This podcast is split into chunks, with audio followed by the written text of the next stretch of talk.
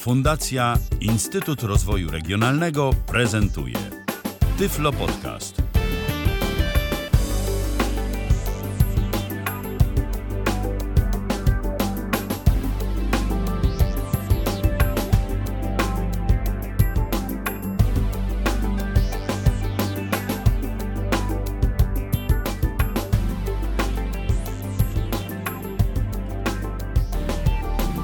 26 dzień stycznia, czyli środa w kalendarzu. Witam bardzo serdecznie. Przy mikrofonie Tyfloradia Michał Dziwisz, a przy drugim mikrofonie mój dzisiejszy gość Dawid Pieper. Witaj Dawidzie. Dobry wieczór wszystkim. Dziś sobie porozmawiamy o tym, o czym już kiedyś mówiliśmy na antenie Tyfloradia. To zdaje się Magda Rutkowska y, prowadziła wtedy tę audycję, kiedy mówiliśmy o druku 3D, ale y, druku 3D jako technologii, która dla niewidomych może być y, technologią bardzo użyteczną. I to się nie zmieniło. Ja pamiętam w 2000 2010 roku, kiedy po raz pierwszy na y, targach Cebit miałem przyjemność y, obejrzeć coś, co wyszło z drukarki 3D, no to wtedy się jeszcze wydawało taką mm, kosmiczną technologią w dzisiejszych czasach drukarkę 3D w zasadzie może mieć każdy, no ale w dzisiejszej audycji postaramy się odpowiedzieć na pytanie, czy jeżeli ktoś nie widzi, y, to czy w ogóle zakup takiego urządzenia ma jakikolwiek sens, jest y, zakupem racjonalnym i jeżeli już się zdecydujemy na zakup takiej drukarki, to tak naprawdę na ile będziemy mogli ją wykorzystać? To znaczy, na pewno warto powiedzieć, że nawet jak się widzi, to to są dobre pytania, szczególnie czy zakup jest racjonalny. No z pewnością bo, tak. Z pewnością tak. Na pewno jest to urządzenie w obsłudze trudne, w obsłudze bardzo wymagające. Może od, Oczywiście... razu, może od razu powiedzmy tak, drukarka 3D y, z drukarką tradycyjną ma tylko wspólne to, że się po prostu nazywa, że jest drukarką. Obsługuje się to urządzenie zdecydowanie inaczej. To nie jest y, to samo y, to nie jest taka sama prosta procedura jak w przypadku druku zwykłych dokumentów, że wchodzimy w edytor, e, drukujemy cokolwiek, e, klikamy jedną ikonkę i wychodzi nam z urządzenia kartka. Tu jest zdecydowanie więcej zabawy. Dokładnie. To znaczy, sobie czasem wyobrażam, że jak ta technologia dalej będzie się tak rozwijać, to kto wie, może za 30-40 lat się okaże, że w każdym domu jest drukarka i powstanie jakiś odpowiednik App Store'a czy Microsoft Store'a, z którego będzie się po prostu kupować łyżkę ale no w tej chwili technologia jest jeszcze dość wczesna i wymagająca wiele pracy. To znaczy, na pewno opowiem dzisiaj trochę o tym z perspektywy osoby niewidomej, bo drukarkę posiada Fundacja Prowadnica y, od września, października y, zeszłego roku. No to już powoli pół roku się zbliża. Tak to przy okazji taki update, jeżeli ktoś nie słuchał Tyflo Przeglądu, Elten doczekał się osobowości prawnej e, właśnie za sprawą Fundacji Prowadnica. Tak, dokładnie. Gratulacje. Dziękujemy, więc e, projekt polegał na tym, pomysł polegał na tym, że jest bardzo wiele różnego rodzaju udogodnień, które wykorzystujemy jako osoby niewidome. Są zresztą przeze mnie bardzo często używane linijki jakieś brajlowskie, które możemy wykorzystywać są y, kostki z jakimiś brajlowskimi oznaczeniami, są nawet takie y, pomoce naukowe, dydaktyczne jak kubarytmy, które są trudno dostępne, drogie. Myśmy chcieli zbadać możliwość wykonywania ich na drukarce 3D. Tutaj y, też osoby, które współpracują z naszą fundacją, które są nam znajome, sugerowały różne projekty. Na LTN był taki wielki wątek z masą propozycji, które będę starał się sukcesywnie realizować. Drugi projekt, który okazał się na razie tym, tym, że tak powiem, popularniejszy, to był wydruk tabliczek brajlowskich. Nie chodzi o tabliczki, na których piszemy, tylko okazało się, że drukarka 3D pozwala naprawdę tanim kosztem wykonywać tabliczki e, z napisami w brajlu, które można umieszczać na jakichś drzwiach, poręczach. E, stworzyliśmy taki konkurs, go nazwaliśmy Właściwe Drzwi, w którym wyłoniliśmy 10 instytucji.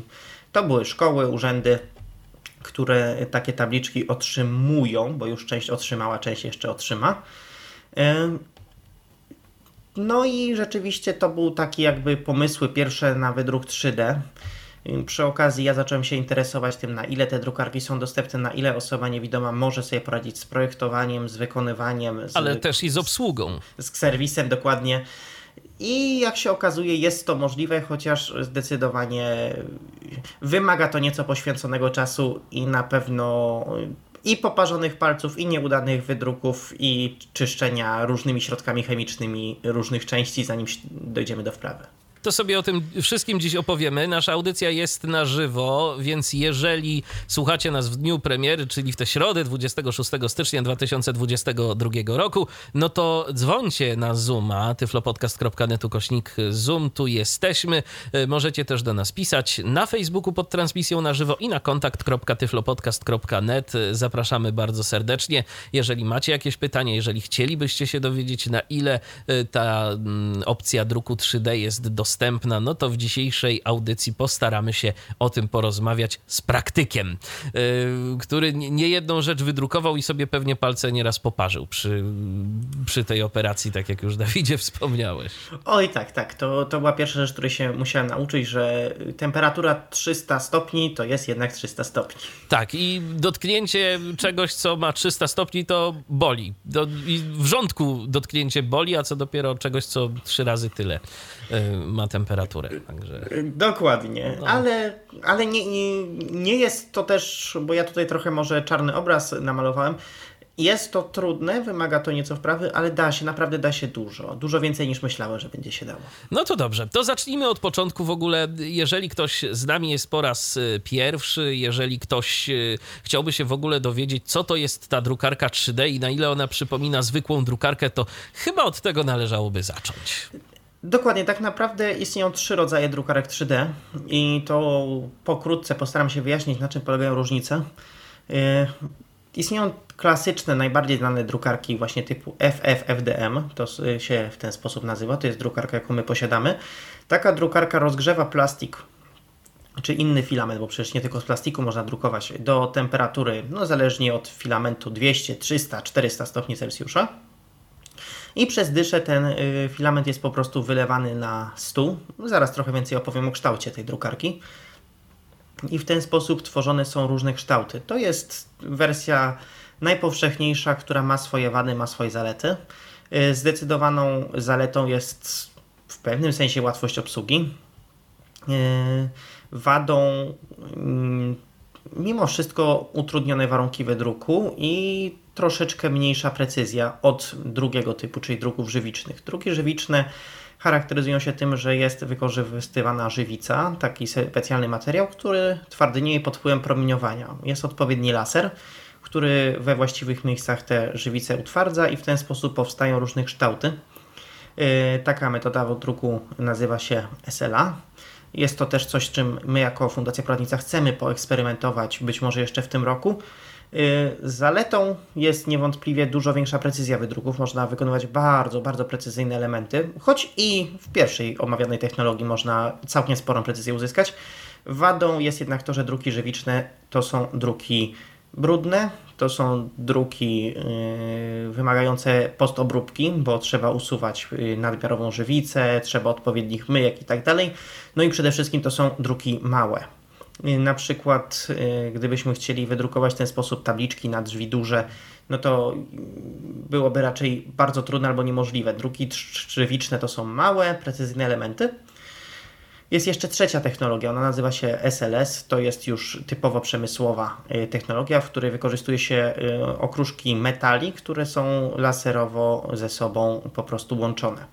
Ta technologia jest używana w fabrykach i na potrzeby tego, co my robimy we fundacji, jest całkowicie y, niewłaściwa, niepotrzebna, gdyż y, służy do tworzenia prostych elementów, na przykład jakichś mocowań, podpór. Zdecydowanie jest najmniej precyzyjna i nie pozwala na wykonywanie precyzyjnych y, kształtów. Czyli na przykład gdybyśmy chcieli zrobić tabliczkę z punktami brajlowskimi, które wcale nie są proste do wydruku, no to technologię SLS byśmy musieli od razu skreślić jako zbyt mało precyzyjną. Jak mówię, ja z drugą technologią miałem trochę do czynienia jeszcze za czasów projektu Infinity. Z pierwszą mam teraz na bieżąco, no z trzecią nie miałem i doświadczeń żadnych nie ma. To ja zapytam, a jaka to jest technologia? Bo czasem mówi się o na przykład domach z drukarki 3D, o jakichś protezach yy, chirurgicznych gdzieś tam powiedzmy, które się pacjentom wszczepia yy, i które też są z drukarek 3D, o jedzeniu z drukarki 3D. To są jeszcze jakieś inne technologie? No przypuszczam, że jedzenie to na pewno, ale, ale te inne inne takie bardziej powiedzmy medyczne czy przemysłowe, to, to wszystko to któraś z tych technologii nam to załatwia? Wszystko, to wszystko się kręci wokół tych trzech. Tak naprawdę te domy to są zwykle jakieś elementy montażowe, to się opiera w pewnym ogólnieniu o tę ostatnią metodę SLS, bo przecież kiedy drukujemy ściany, podpory, to nie potrzebujemy precyzji, potrzebujemy wytrzymałości. Czyli no to, że stworzymy metalowe, żelazne jakieś elementy, to jest właśnie to, o co chodzi.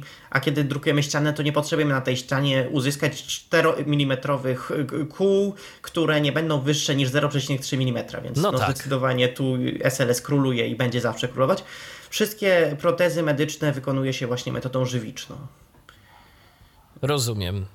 Więc, więc w ten sposób to wygląda. A coś a propos tego jedzenia z drukarki 3D, wiesz, czym, czym oni to? Ja czytałem, nawet z tego co wiem, można nawet wykorzystywać technologię FDM. Nigdy się w to nie bawiłem, ale słyszałem, że nawet można dostać filament, którym jest czekolada. No to rzeczywiście interesująco nam się robi. E, Okej, okay. E, a propos tego filamentu, e, bo pewnie nie wszyscy też wiedzą, jak to w zasadzie wygląda. Co to, co to jest? Filament to jest materiał, z którego drukujemy. Y, teraz, kiedy już mówimy o filamencie, mówimy typowo o wydruku FDM, bo gdybyśmy wybrali drukarkę żywiczną, to tam jest, tak jak mówiłem, żywica. W SLS mamy do czynienia z metalem. Więc y, w drukarce teraz już się skupiamy na tym, czym dysponuje fundacja. To są najpowszechniejsze, najbardziej znane drukarki FDM. To jest szpula, zwykła szpula, na którą jest nawinięta cienka nić. Y, ta nić jest z odpowiedniego materiału. Jest nią różne filamenty, różne kolory. To może być włókno szklane, to może być sklejka drewniana, to może być e, plastik, ABS, PLA, to mogą być różne e, materiały typu nylon, to może być guma.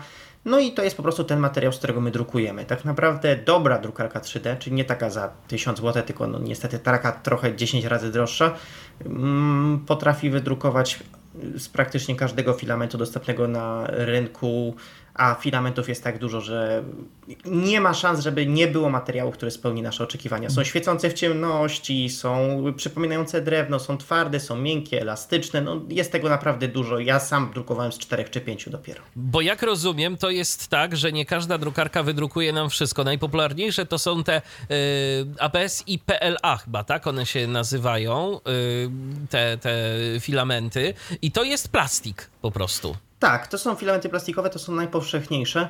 One mają troszeczkę różne właściwości, troszeczkę y, do czego innego służą. Y, I tak, większość drukarek tych najtańszych raczej poza te dwa materiały nie wyjdzie. No tutaj też rozmawiamy o cenie, bo Drukarkę 3D tak naprawdę można kupić już za 900 zł, ale jaki będzie efekt działania tej drukarki, to już zupełnie inny temat. I jeszcze w międzyczasie to od razu powiem, też y, nam się pojawił gdzieś tam przy okazji y, zamieszczenia informacji o tym, że będzie ta audycja, Wątek na liście Tyflos i tam nawet wspominał bodajże Sylwek Piekarski o tym, że można się również spróbować pobawić tak zwanym penem 3D. To są takie mm, ręczne urządzenia, do których których też można włożyć właśnie mm, jeden z tych najpopularniejszych filamentów i można sobie próbować coś z nich tworzyć.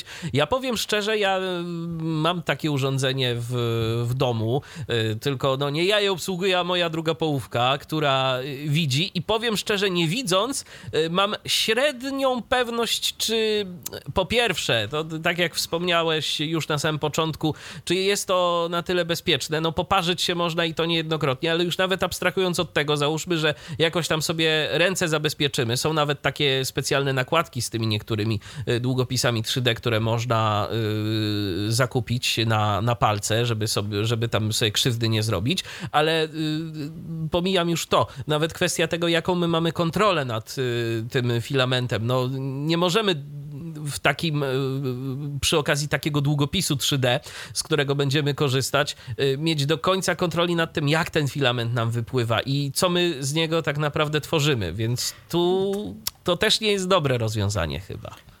Też mi się tak wydaje. Ja takim długopisem też miałem do czynienia dwa lata temu. Yy, trzy już właściwie, przepraszam, 22 to trzy lata temu. Yy, no i jest jeszcze jedna kwestia, bo taki długopis, ja tak sobie myślę, może być dla kogoś, kto rzeczywiście wykonuje jakieś dzieło, jakieś rękodzieło i chce coś sobie stworzyć. Może być fajny dla kogoś, kto jest inżynierem i teraz potrzebuje nakrętki o takiej i takiej średnicy albo taki taki gwint. Bierze długopis, rysuje, ma. może być fajną zabawką, ale kiedy ja bym chciał na przykład w ten sposób wykonywać nawet najprostsze rzeczy, które myśmy drukowali, linijkę z brajlowskim oznaczeniem, tabliczki brajlowskie, no to nawet widząc, no chyba to niemożliwe. Tu przede no, wszystkim też chodzi o powtarzalność. No i dokładnie. nie oszukujmy się, tym długopisem, żeby coś stworzyć, to się trzeba namachać. To nie jest tak, że rysujemy sobie kształt i, i to już jest tyle, no bo jeszcze trzeba zadbać o te trzy wymiary. Stworzenie takiej nawet prostej, czy jakiejś figury, czy, czy czegoś, to jest tak naprawdę kilkadziesiąt minut pracy, a ręka się też męczy. Dokładnie, więc ja myślę, że to jest naprawdę fajne rozwiązanie, ale o troszkę węższym zastosowaniu chyba jednak. Dokładnie tak. E, też, e, też jestem tego zdania. Natomiast, no to teraz może porozmawiajmy o tych drukarkach. Już wspomniałeś o tym, że ceny są różne. E, też jest kwestia tej, oczywiście te, tych filamentów, które obsługuje dane urządzenie. Tu już zależy, z czego będziemy chcieli tworzyć. Czy precyzja druku też bardzo zależy od ceny? Oczywiście, to jest najważniejsza różnica. E, kiedy myśmy wybierali drukarkę dla fundacji, bo trzeba też powiedzieć, że to była drukarka uzyskana z dofinansowania, e, myśmy pozyskali fundusze na tę drukarkę, bo tak od ręki to by nie było nas na to stać, bo myśmy już trochę wysoką półkę uderzyli. E, rozmawialiśmy też o tabliczkach brajlowskich, bo jak się okazuje, jak sobie wyobrazimy tabliczkę z napisem brajlowskim, to się wydaje no prosta rzecz, kawałek plastiku i kropki. No ale kropki Braille'a wcale nie są duże. Muszą być okrągłe, muszą no, nie kuć w palce, muszą być ładnie zaokrąglone i się okazuje, że jest to duże wyzwanie. I muszą mieć niż... też odpowiedni odstęp od siebie. Dokładnie. I się okazało, myśmy ponad miesiąc eksperymentowali, zanim udało nam się zrobić naprawdę takie ładne, dobre tabliczki, więc jest to duże wyzwanie te najtańsze drukarki, które się reklamuje właśnie jako budżetowa drukarka 3D do domu, no to mogą się nadać do tego, żeby zrobić jakiś wieszak, co oczywiście też wcale nie jest złe. Mogą się nadać, żeby zapoznać się z wydrukiem 3D, do zrobienia jakiejś prostej kostki, takich rzeczy, ale no gdybyśmy chcieli mówić o precyzyjnych wydrukach, to jednak trochę nie to. E, jeżeli chcemy mówić o wydrukach naprawdę precyzyjnych, takich nadających się dla osób niewidomych jakichś właśnie tabliczkach brajlowskich, makietach ładnej jakości, no to będziemy raczej celować w budżet 5-10 tysięcy przynajmniej.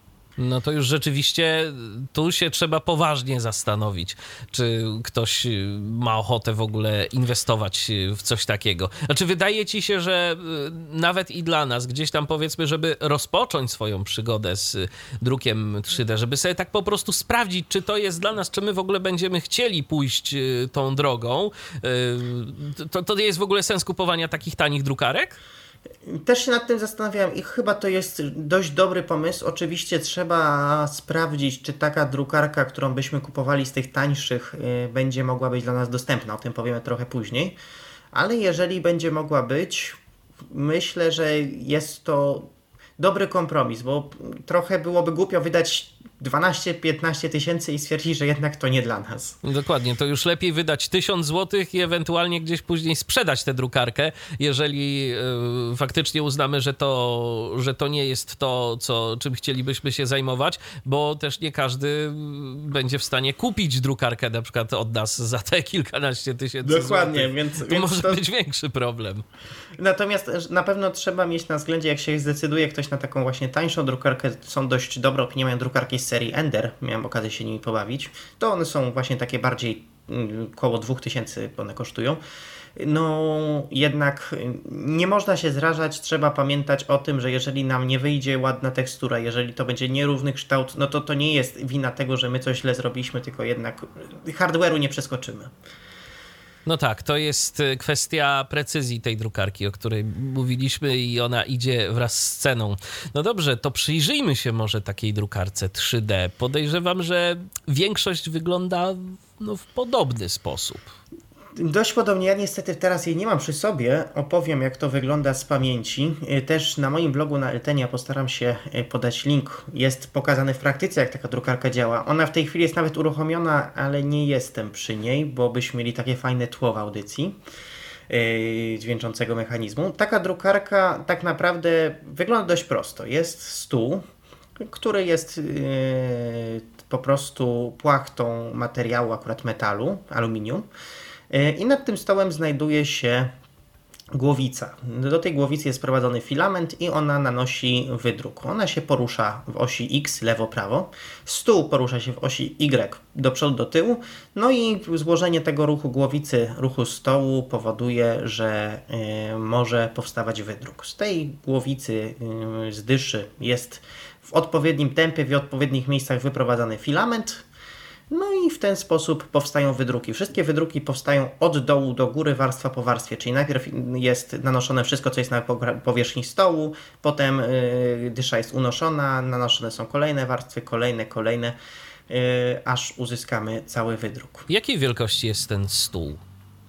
To zależy od drukarki. Ta drukarka, którą my mamy, ma wielkość stołu 21 na 25 cm. To jest średni y, rozmiar. Są stoły nawet 50 na 50 cm, czyli no dużo, dużo większe. Y, są też mniejsze stoły. Widziałem takie 12 na 12, 15 na 15. Czy jeżeli stół ma y, takie wymiary, jak wspomniałeś, na przykład powiedzmy te 15 na 15 centymetrów, to znaczy, że maksymalnie taki obiekt jesteśmy w stanie wydrukować, czy odpowiedni margines jednak trzeba tu dodać? Nie, y, te wymiary stołu są już wymiarami ostatecznymi. Y, margines jest założony już, że tak powiem, po stronie projektowania drukarki, czyli jeżeli ja mam 25 cm szerokości, to mogę wydrukować 25 cm. No dobrze, to mamy y, szerokość i długość, a co z wysokością? Wysokość już zależy od drukarki. Zwykle to jest 20 cm. Widziałem drukarki troszeczkę niższe, widziałem troszeczkę wyższe, ale tutaj raczej jakichś wielkich szaleństw nie widzę. To prawie zawsze jest 20 cm. Głowica, stół, co jeszcze w takim urządzeniu mamy? Pewnie jakiś zbiornik na ten filament, tak? Jakąś taką, jakieś miejsce, gdzie można te szpule umieścić? Tak, to jest uchwyt. Zależy od drukarki. Widziałem drukarki, w których po prostu się yy, kładzie szpulę filamentu w takim specjalnym podajniku Widziałem takie, w których po prostu jest haczyk, na którym zawiesza się szpulę i tyle. To nie musi być jakoś skomplikowane, bo filament po prostu kończy się, to jest szpula z nitką. Mnie się to kojarzy, nie wiem czy ktoś kiedyś widział żyłkę do wędki. To wygląda dokładnie tak. Tak, to jest taka grubsza, jest... taka grubsza żyłka, taka, y, szczególnie ten, y, ten, ten plastik, bo oczywiście wiadomo, że tak jak wspomniałeś, te filamenty mogą być różne, natomiast y, to, to po prostu jest zwinięte w taką szpulę i sobie w zależności od tego, ile tam chcemy, to, to, to, to rozwijamy z tego. No, robi dokładnie. to drukarka tak naprawdę. Więc po prostu rozwija. wprowadzamy koniec tego filamentu do dyszy od góry, do tej części, która nazywa się ekstruderem. No i to, gdzie umieścimy szpulę, już zależy bezpośrednio od projektanta drukarki. U nas, w naszym wypadku, na samym górze drukarki po prostu jest taki haczyk, na którym tą szpulę się wiesza. No to Dawidzie, to w czym jest właściwie problem? Bo na razie jak to opisujesz, to się nie wydaje nic skomplikowanego. Wkładamy ten kawałek y, drucika do tego ekstrudera, włączamy tam pewnie jakiś y, guziczek play. Oczywiście y, jeszcze trzeba stworzyć model. O, o tym sobie też powiemy, bo, bo tu podejrzewam, że może być największy problem. Ale ta dostępność drukarki jako takiej to się nie wydaje nic trudnego. No i tu właśnie zaczynają się kilka problemów. Po pierwsze, musimy pamiętać, że w wypadku drukarek FDM yy, za precyzję się płaci i za wielkość się płaci, ponieważ yy, drukować możemy yy, w zależności od materiału w tak zwanej otwartej albo zamkniętej komorze. O co chodzi?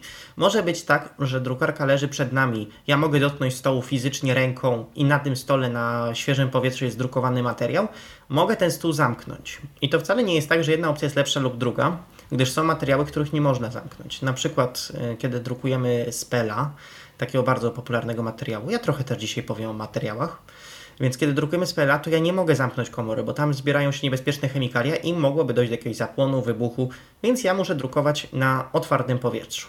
Pomijając takie oczywiste ryzyka, jak to, że mógłbym po prostu na przykład przypadkiem dotknąć drukującego się modelu i w ten sposób w najlepszym wypadku wyjść z oparzenia, a w najgorszym stracić palce, no to jednak mówimy o wydruku na otwartym powietrzu.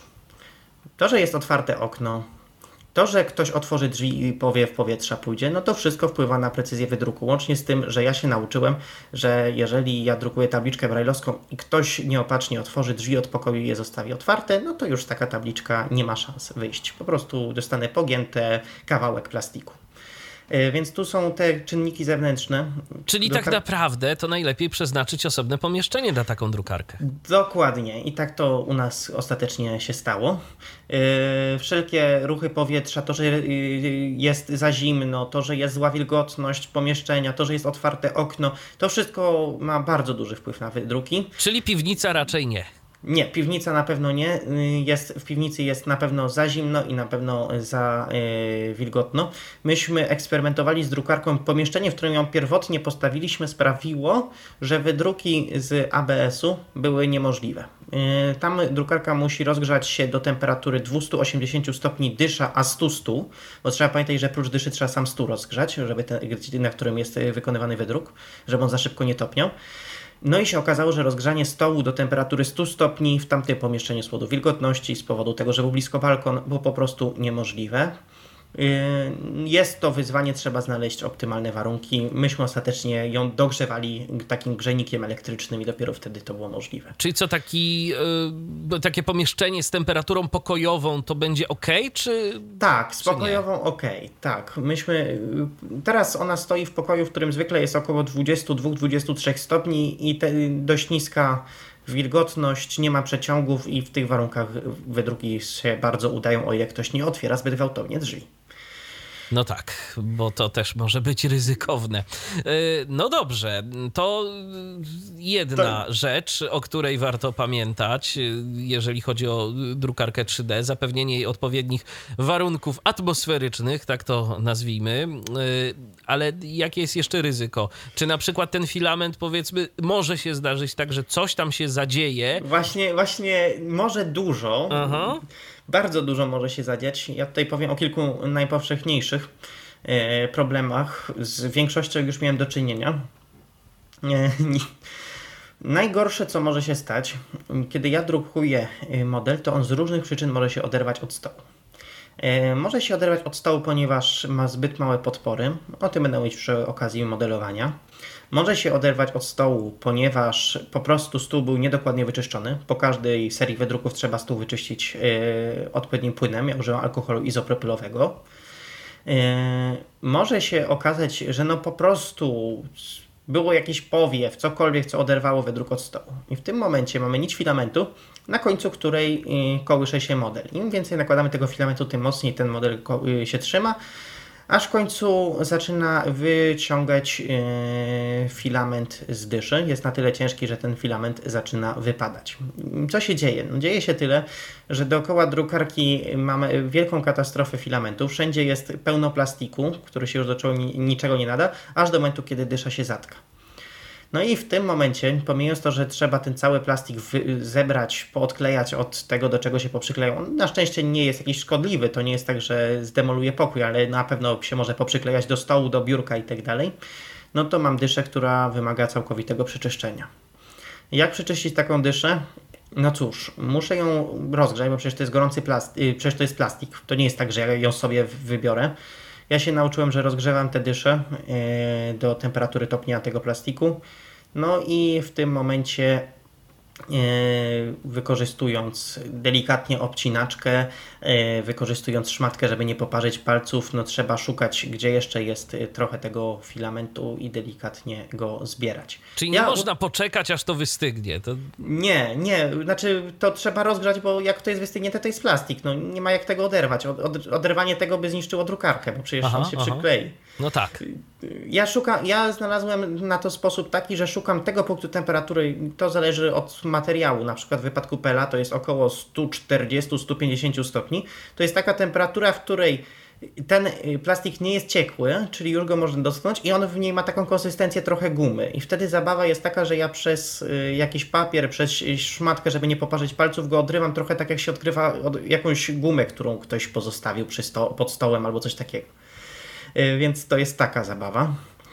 Y, to była główna przyczyna mojego poparzenia palców, dopóki nie odkryłem, jak to robić sprawnie i bez uszczerbków na dłoniach. Długo no ci to... to... zajęło? Tak z ciekawości? Tak ze pięć wydruków nie udało. Aha, aha.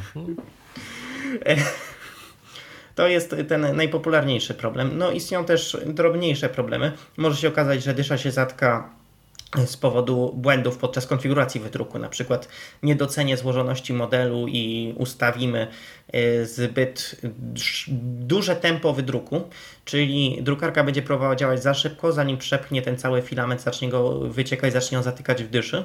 W tym wypadku na szczęście nie jest sprawa aż tak katastrofalna, ponieważ dysza nie jest cała zatkana, tylko po prostu w dyszy zostają resztki filamentu. No, sposób jest mniej yy, bolesny, bo rozgrzewamy dyszę do temperatury topnienia filamentu i delikatnie naciskamy na filament od góry, tak żeby ten nowy filament, który my ręcznie, nie jako drukarka, tylko ręcznie wypychamy, wypchnął z dyszy resztki poprzedniego. No i jest jeszcze kilka innych katastrof, do których możemy doprowadzić. Co na przykład? No, jedną z ciekawszych yy, katastrof było to, gdy pękł wydruk mi w trakcie yy, drukowania. To się działo jakiś, jakoś po świętach, w tym okresie świątecznym. Yy, pękł wydruk, wchodzę do pokoju, a wszędzie dookoła są kawałki plastiku z popękanego wydruku, a drukarka pluje nowymi. Yy, to pamiętam, było to interesujące przeżycie. A co było przyczyną? Prawdopodobnie po prostu y, zbyt wilgotna szpula filamentu, które to wilgoć, która dostała się do szpuli sprawiła, że plastik okazał się nie tak wiążący jak powinien i po prostu wydruk popękał. A czyli nakładam... też warto pamiętać o tym, że ten filament trzeba przechowywać w odpowiednich warunkach. Tak, tak, to też jest fakt. Zwykle do filamentu jest dołączone takie materiały pochłaniające wilgoć, i trzeba pamiętać, żeby ich używać. I ja pamiętałem, a i tak kilka razy jednak nie doceniłem tego, jaki wpływ ma wilgotność na filament. Ale to no. nie jest tak e, z tą drukarką, że trzeba przy niej cały czas e, czuwać, być, e, obserwować. No zresztą nawet nie bardzo w naszych warunkach da się obserwować, co tam się dzieje. Można ją zostawić w spokoju i sobie na przykład gdzieś pójść, tylko trzeba się liczyć z tym, że jak wrócimy, to e, no... To może być różnie. Może być różnie, tak. Ale tak. tak, ja też nie jestem przy niej przez cały czas, no bo nie da się. Zresztą, no. Co tu kryć? Jak poszukamy informacji w internecie, to oczywiście dowiemy się, że powinniśmy ciągle monitorować wydruk. No ale przecież tak się nie da. No, dom nie jest fabryką, bo często są przecież takie kompleksy, że jest fabryka, stoi 50 drukarek, jest operator, który chodzi od drukarki do drukarki i sprawdza, czy wszystko jest ok. No, w domu nie ma opcji, żeby sobie na coś takiego pozwolić. Tym bardziej, że druk y, na takim urządzeniu to nie jest 5 minut. I tu warto o tym wspomnieć. Y, taka na przykład tabliczka brajlowska o której e, już wspominaliśmy, że głównie e, to e, teraz drukujecie jako fundacja, jako prowadnica. No ile czasu potrzeba na wydrukowanie takiego? No, wydawałoby się kawałka plastiku i kilku kropek. To zależy. Myśmy próbowali kilku wariantów. To zależy od materiału, zależy od grubości tej tabliczki, bo trochę większą grubość robimy, kiedy taka tabliczka ma być przykręcona śrubkami, trochę mniejszą, kiedy po prostu ma być na taśmę klejącą, ale trzeba się liczyć z tym, że wydrukowanie takiej zwykłej tabliczki, nazwijmy z jakimś prostym napisem, nie wiem, yy, biuro obsługi klienta, no to będzie trwać między pół godziny a godziną 20. Więc krótko nie jest, a takich, czyli takich tabliczek powiedzmy no przez, przez dzień to można by tam kilkanaście wydrukować, jeżeli ta drukarka działałaby cały czas. Zależy, zależy w tej chwili, w tej chwili ja puściłem dosłownie jakąś półtorej godziny temu partię tabliczek do wydrukowania, y, która będzie się drukować dokładnie 24 godziny. To jest A czyli można czas... wydrukować partię? Yy, tak, dokładnie. Więc ja, yy, ja puściłem yy, wydrukowanie, które będzie trwało 24 godziny i w ciągu tych 24 godzin wydrukuje się tabliczek 19. Czyli później co? Trzeba to będzie porozcinać jakoś, czy one już będą jakby oddzielone jedna od drugiej? nie, one będą oddzielone i tu warto pamiętać, że duży czas wydruku to jest rozgrzanie dyszy, to jest nałożenie partii. Ja mówię, jedna tabliczka drukuje się około pół godziny, ale to nie znaczy, że dwie tabliczki będą drukować się godzinę. E, tylko Rozumiem. na przykład może się okazać, że dwie tabliczki będą się drukować 55 minut i tak dalej. Czyli no jestem w stanie w ciągu 24 godzin wydrukować ich zależnie od tego, jak duże są tabliczki, między 15 a 20. W ten sposób to wygląda. No okej, okay, to już mniej więcej wiemy, jak y, się obchodzić z tą drukarką, ale to jest y, no, rzecz typowo mechaniczna, a drukarka jest urządzeniem elektronicznym, ma jakiś swój panel, ma jakiś swój interfejs. Y, no i teraz dochodzimy do kwestii dostępności tego wszystkiego dla nas, jako dla użytkownika nieposługującego się wzrokiem. No tak, jest to dość złożone zagadnienie. Y, większość drukarek y, może sczytywać projekty z kart SD. To jest już taki przyjęty standard. Ja gotowy do wydruku projekt. Jak ten projekt jest generowany, za chwilkę powiemy, ale trochę zacznę od samej drukarki. Gotowy do wydruku projekt wrzuca się na kartę SD, wkłada się do drukarki, no i rozpoczyna się wydruk. Nie jest to oczywiście dostępne dla niewidomych, to znaczy podejrzewam, że bo jeszcze w, w drukarkach 3D wcale nie stały się popularne wyświetlacze dotykowe, więc yy, miałem taką teorię, że dałoby się przecież yy, nauczyć wrzucać na kartę SD tylko jeden projekt, no i sekwencji, że tak powiem, wciśnięć klawiszy, żeby ten jeden projekt wydrukować. No ale nie jest to wcale konieczne, bo z pomocą przychodzi nam y, społeczność open source i projekt Octoprint. Projekt Octoprint to jest y, system do zautomatyzowanego, y, zautomatyzowanej obsługi drukarki 3D.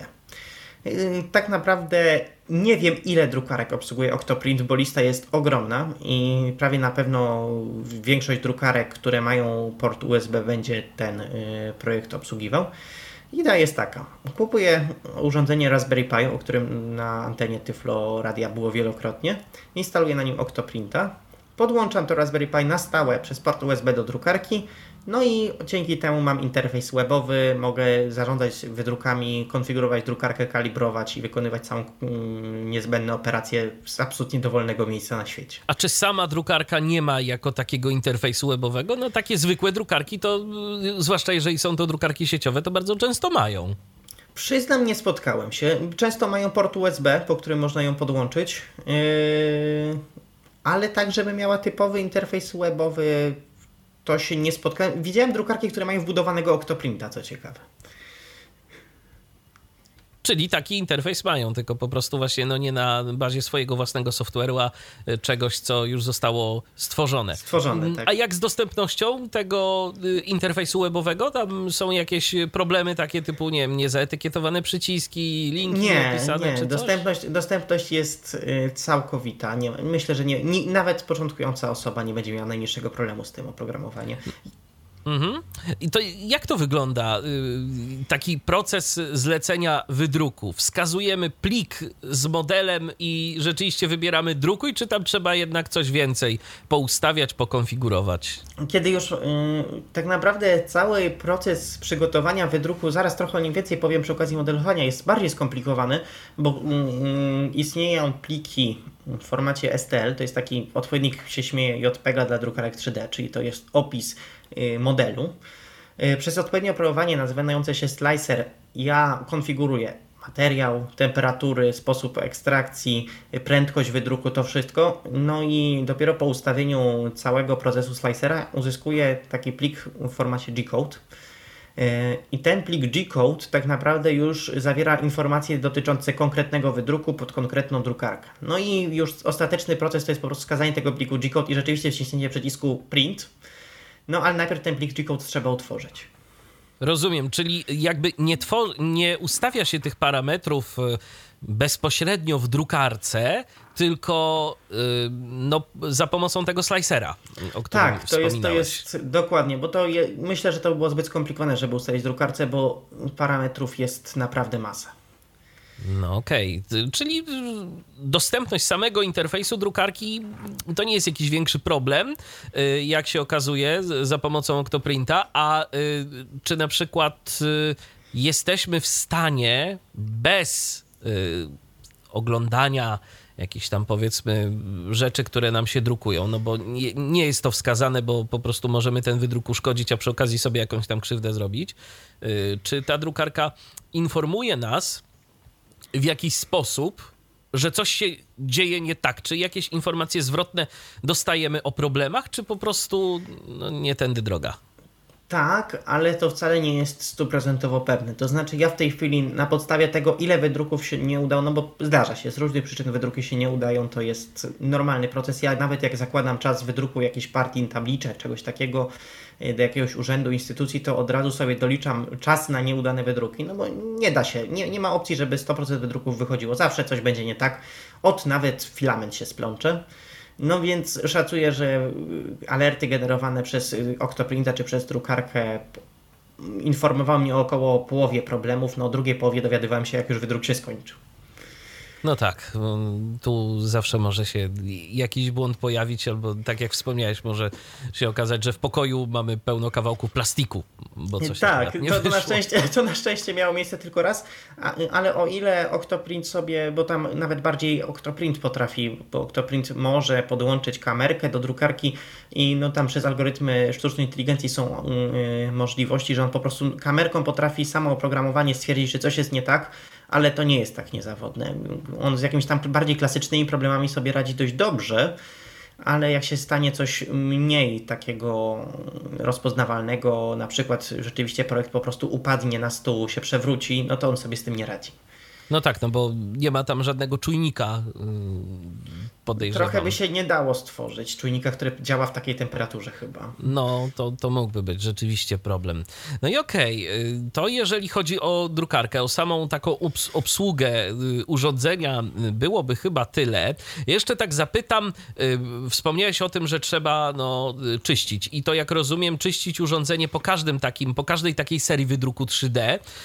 A jak to wygląda z różnego rodzaju częściami zamiennymi? Czy tam w tej drukarce co jakiś czas trzeba coś wymieniać? Nie wiem, tak jak w drukarkach mamy tradycyjnie, czy mamy jakiś bęben w laserowych, toner, tusz w atramentowych. Jak to jest tutaj? Tak, oczywiście no naj, najczęściej będziemy wymieniać filament i to nie tylko dlatego, że się skończy, tylko albo będziemy chcieli wykonać wydruk w innym kolorze, albo z innego materiału. E, więc to jest jakby najczęstsza wymiana. Wymiana filamentu jest bardzo prosta. E, rozgrzewamy drukarkę do temperatury, w której mogę wyciągnąć filament, no bo w momencie, kiedy on jest w środku, to on zastyga, czyli ja go nie wyciągnę. To nie jest tak, że ja go po prostu wyciągnę, bo on jest mm, zastygnięty z całą drukarką. Rozgrzewam przez Octoprinta ją do temperatury topnienia filamentu. Delikatnie, powoli wysuwam starą szpulę, e, wkładam nową, zmrażam drukarkę z powrotem, sprawdzam, czy wszystko się zgadza. Więc ten proces jest no, najprostszy, jaki się da. Trochę gorzej jest z wymianą dyszy, bo dysza to jest jednak element użytkowy yy, i ona raz na jakiś czas będzie wymagać wymiany. Po prostu się zużyje, zacznie się zniekształcać. No myśmy już musieli dwukrotnie wymieniać dyszę. Yy, to na szczęście nie jest bardzo skomplikowane. Odkręca się kilka śrubek, wyciąga starą dyszę, wkłada nową, zakręca kilka śrubek. Jak yy, raz na jakiś czas też może się okazać, że wymiany wymaga cały ekstruder, jeszcze nie miałem z tym doświadczenia, więc nie wiem jak z dostępnością tego. Myślę, że większego problemu nie będzie, no bo przecież to jest tylko praca manualna. Trzeba pamiętać jakie śrubki skąd się wykręciło i, i upewnić się, że po zakończeniu nie zostanie połowa na stole. Ale na razie jeszcze nie musiałem wymieniać ekstrudera, bo to jest element jednak, który się rzadziej wymienia. Ja szacuję, że w tym tempie eksploatacji jeszcze z rok, dwa nam obecny posłuży. A jak wygląda sprawa kosztów y, takiej dyszy na przykład? Taka dysza to jest wydatek około 40 zł. A no to jak kupiliśmy drukarkę za kilka tysięcy. To... Tak, to, to już nie, nie jest jakieś przerażające. To więcej za sam filament zapłacimy, bo taka pojedyncza szpula no to kosztuje też chyba koło mniej więcej tylu, nie? Czy, koło, czy, czy mniej? Do, to zależy od jakości, bo filamenty też są różne jakości, y, są mniejszej, większej precyzji. Ja jednak testowaliśmy gorsze filamenty, gorszej jakości, one się trochę mniej nadają do tabliczek, więc my płacimy około 100 zł za taką szpulę szpula y, kilogramową, no to to oznacza, że nie jest to też jakiś przesadnie wysoki koszt w porównaniu z drukarką, bo my z takiej jednej szpuli możemy wydrukować no na pewno ponad tysiąc tabliczek. No to już jest rzeczywiście całkiem sporo.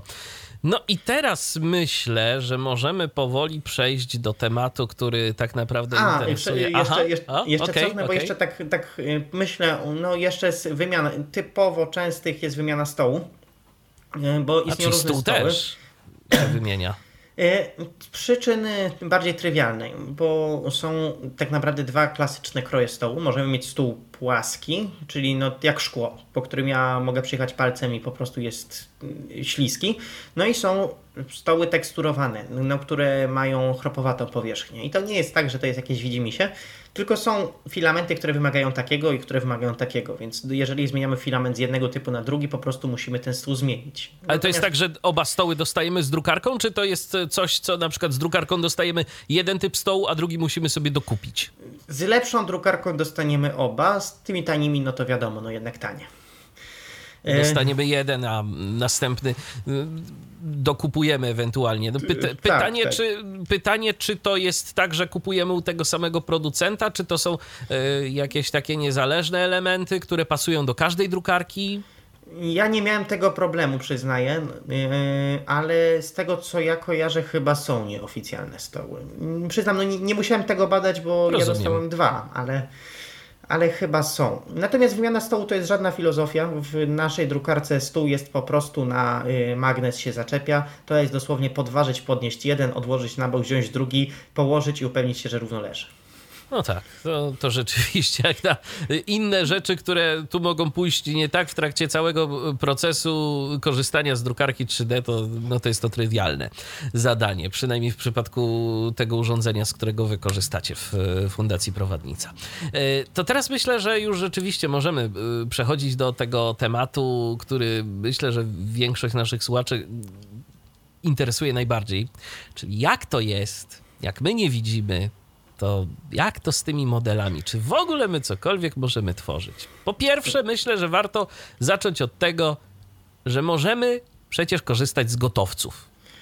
Tak, możemy korzystać z gotowców. Yy, istnieją takie portale jak yy, Thingiverse, który jest gigantyczną bazą właściwie chyba wszystkiego, co możemy sobie wyobrazić. Chociaż nie, ostatnio czegoś szukałem i tam nie było, ale naprawdę yy, ilość e, modeli, które znajdują się, które udostępniają użytkownicy na różnych licencjach. Czasem to jest Creative Commons, czasem to są różne licencje ograniczające nasz użytek albo nawet e, dające pełen dostęp. No to zależy od osoby, która udostępnia. Ale to, taka licencja to oznacza, że co, że na przykład e, jeżeli coś jest ograniczone licencją, to że za ten model też no, musimy zapłacić, tak? Albo na przykład nie możemy go sprzedać, jak wydrukujemy. Na, na Thingiverse wszystkie są darmowe, ale właśnie, no wiadomo, jeżeli mamy typową licencję Creative Commons, no to możemy z tym modelem zrobić cokolwiek, możemy go drukować i sprzedawać, tylko no warunkiem jest uznanie autorstwa, czyli my, czy to na jakimś pudełku, w którym ten model sprzedajemy, czy w innym miejscu musimy poinformować, kto go stworzył. Myślę, że jest to dość uczciwa licencja. Zdecydowanie. Takie, takie są też modele dość często, które są e, właśnie no, niekomercyjne, czyli nie możemy ich sprzedać. Dość często też jest praktyka do własnego użytku za darmo, a jeżeli chcesz sprzedawać, to napisz do mnie prywatnie.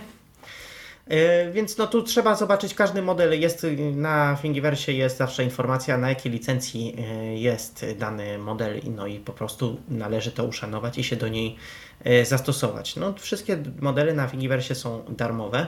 Są też różne bazy płatnych modeli. Ja nigdy z nich nie korzystałem, ale no są, wiadomo. Z ciekawości, takie rzeczy, które zapamiętałeś e, z Thingiversa, co najbardziej gdzieś zapadło ci w pamięć? Jakie, jakie ciekawe rzeczy tam można znaleźć, żeby nakreślić w ogóle naszym słuchaczom mniej więcej, co w ogóle można tam spotkać? Co ja znalazłem? Znalazłem bombki na choinkę, które drukowałem, żeby testować różne materiały. Że to rzeczywiście na gwiazdkę na choince wisiały sobie bombki drukowane na drukarce 3D i to w różnych kolorach o, i z różnych materiałów. E, więc e, to było rzeczywiście, zdarzyło mi się zauważyć. E, znalazłem różne modele 3D znanych rzeźb, e, które zostały wykonywane. Ja takie modele, nawet kilku rzeźb wydrukowałem i pokazywałem osobom niewidomym. I wydaje mi się, że to też jest fajna, perspektywiczna e, rzecz na przyszłość. Po co zlecać tyflografikom wykonywanie jakichś makiet i tak dalej, skoro jest pełno modeli dostępnych i można taki model rzeczywiście wydrukować i gdzieś tam w muzeum umieścić przy rzeźbie, jeżeli no już ona musi być z jakąś szybą czy tak dalej. Więc zdecydowanie tutaj też widzę jakąś ścieżkę na przyszłość i też mam zamiar ten temat ruszyć, bo kilku yy, drukowałem makiety Kolosa z Rodos, drukowałem y, makiety Zamku Krzyżackiego w Malborku, drukowałem yy, makiety rzeźby Poległego Astronauta i wszystkie bardzo ładnie się udały. Co jeszcze było z takich ciekawych projektów? Obudowa do Raspberry'ego, bo ja stwierdziłem, że skoro mam drukarkę 3D, to nie będę wydawać 30 zł na budowę, obudowę do Raspberry'ego, tylko po prostu ją wydrukuję. Bardzo dobrze się sprawdza. Są też no, z takich mniej popularnych, mniej spodziewanych rzeczy, to pamiętam, że znalazłem na Thingiverse i nawet drukowałem modele obuwia, oczywiście jego drukowałem z plastiku. Y, można drukować rzeczywiście z materiałów zdecydowanie nadających się na obuwie. Ja wiem, że są osoby, które obuwie na drukarce 3D wykonywały. I to tak wykonywały na zasadzie takiej praktycznej, że można to było założyć i tak. pójść gdzieś tym. Tak, Aha. tak, no to raczej zawsze się śmieje, to raczej obuwie prawie na pewno y, damskie i prawie na pewno lakierowane, no bo raczej takie materiały powstają, no, no te tak, skóry nie tak. wydrukujemy, ale jak najbardziej coś takiego drukować można. No to rzeczywiście też y, jest to ciekawa perspektywa. Y, czy te modele to już są takie gotowe do wydruku, przepuszczone przez ten slicer, czy, czy no to są właśnie, pliki, które musimy dopiero przygotować właśnie? właśnie? Właśnie tu się niestety zaczyna cała zabawa, bo modele nie mogą być przepuszczone przez slicer, no bo to byłby model pod jeden filament, jedną drukarkę, jedną dyszę, jedno wszystko. A my przecież możemy mieć różny sprzęt, no więc ten model trzeba przez slicer przepuścić. I niestety tu jest największa przeszkoda wykorzystywania bazy Thingiversa. Dość często się zdarza, że w opisie znajduje się ładna informacja. Zalecam drukować z wypełnieniem filamentu na poziomie hmm, procent, z takimi i takimi ustawieniami podpór, no i wtedy sprawa jest jasna. Ja wiem, czego mogę się spodziewać. W ten sposób ustawiam slicer, no jeszcze dopasowuję do filamentu te ustawienia, no i mam łatwy wydruk. No ale Czasem wychodzą twórcy z założenia, że przecież ja zobaczę, jak to wygląda. Ale dlaczego to jest ważne? No bo największym problemem przy druku 3D są tak zwane podpory. Bo jak ja mówiłem, wydruki są wykonywane z dołu w górę, warstwa po warstwie. E, wyobraźmy sobie na przykład, że chcemy wydrukować. Hmm, o, sopel lodu na choinkę, który ja drukowałem. No, sopel lodu na choinkę by się przewrócił w trakcie wydruku. On nie ma na czym stać, więc ja muszę wygenerować slicerze odpowiednie podpory. To nie jest nic skomplikowanego, to nie jest nic niedostępnego, ponieważ odpowiednie algorytmy same generują podpory, ale ja muszę wiedzieć, jaki typ podpór potrzebuję. Czy ja potrzebuję podpory ścian, czy ja potrzebuję podpory po prostu, żeby ona się nie kołysała drukowana figura.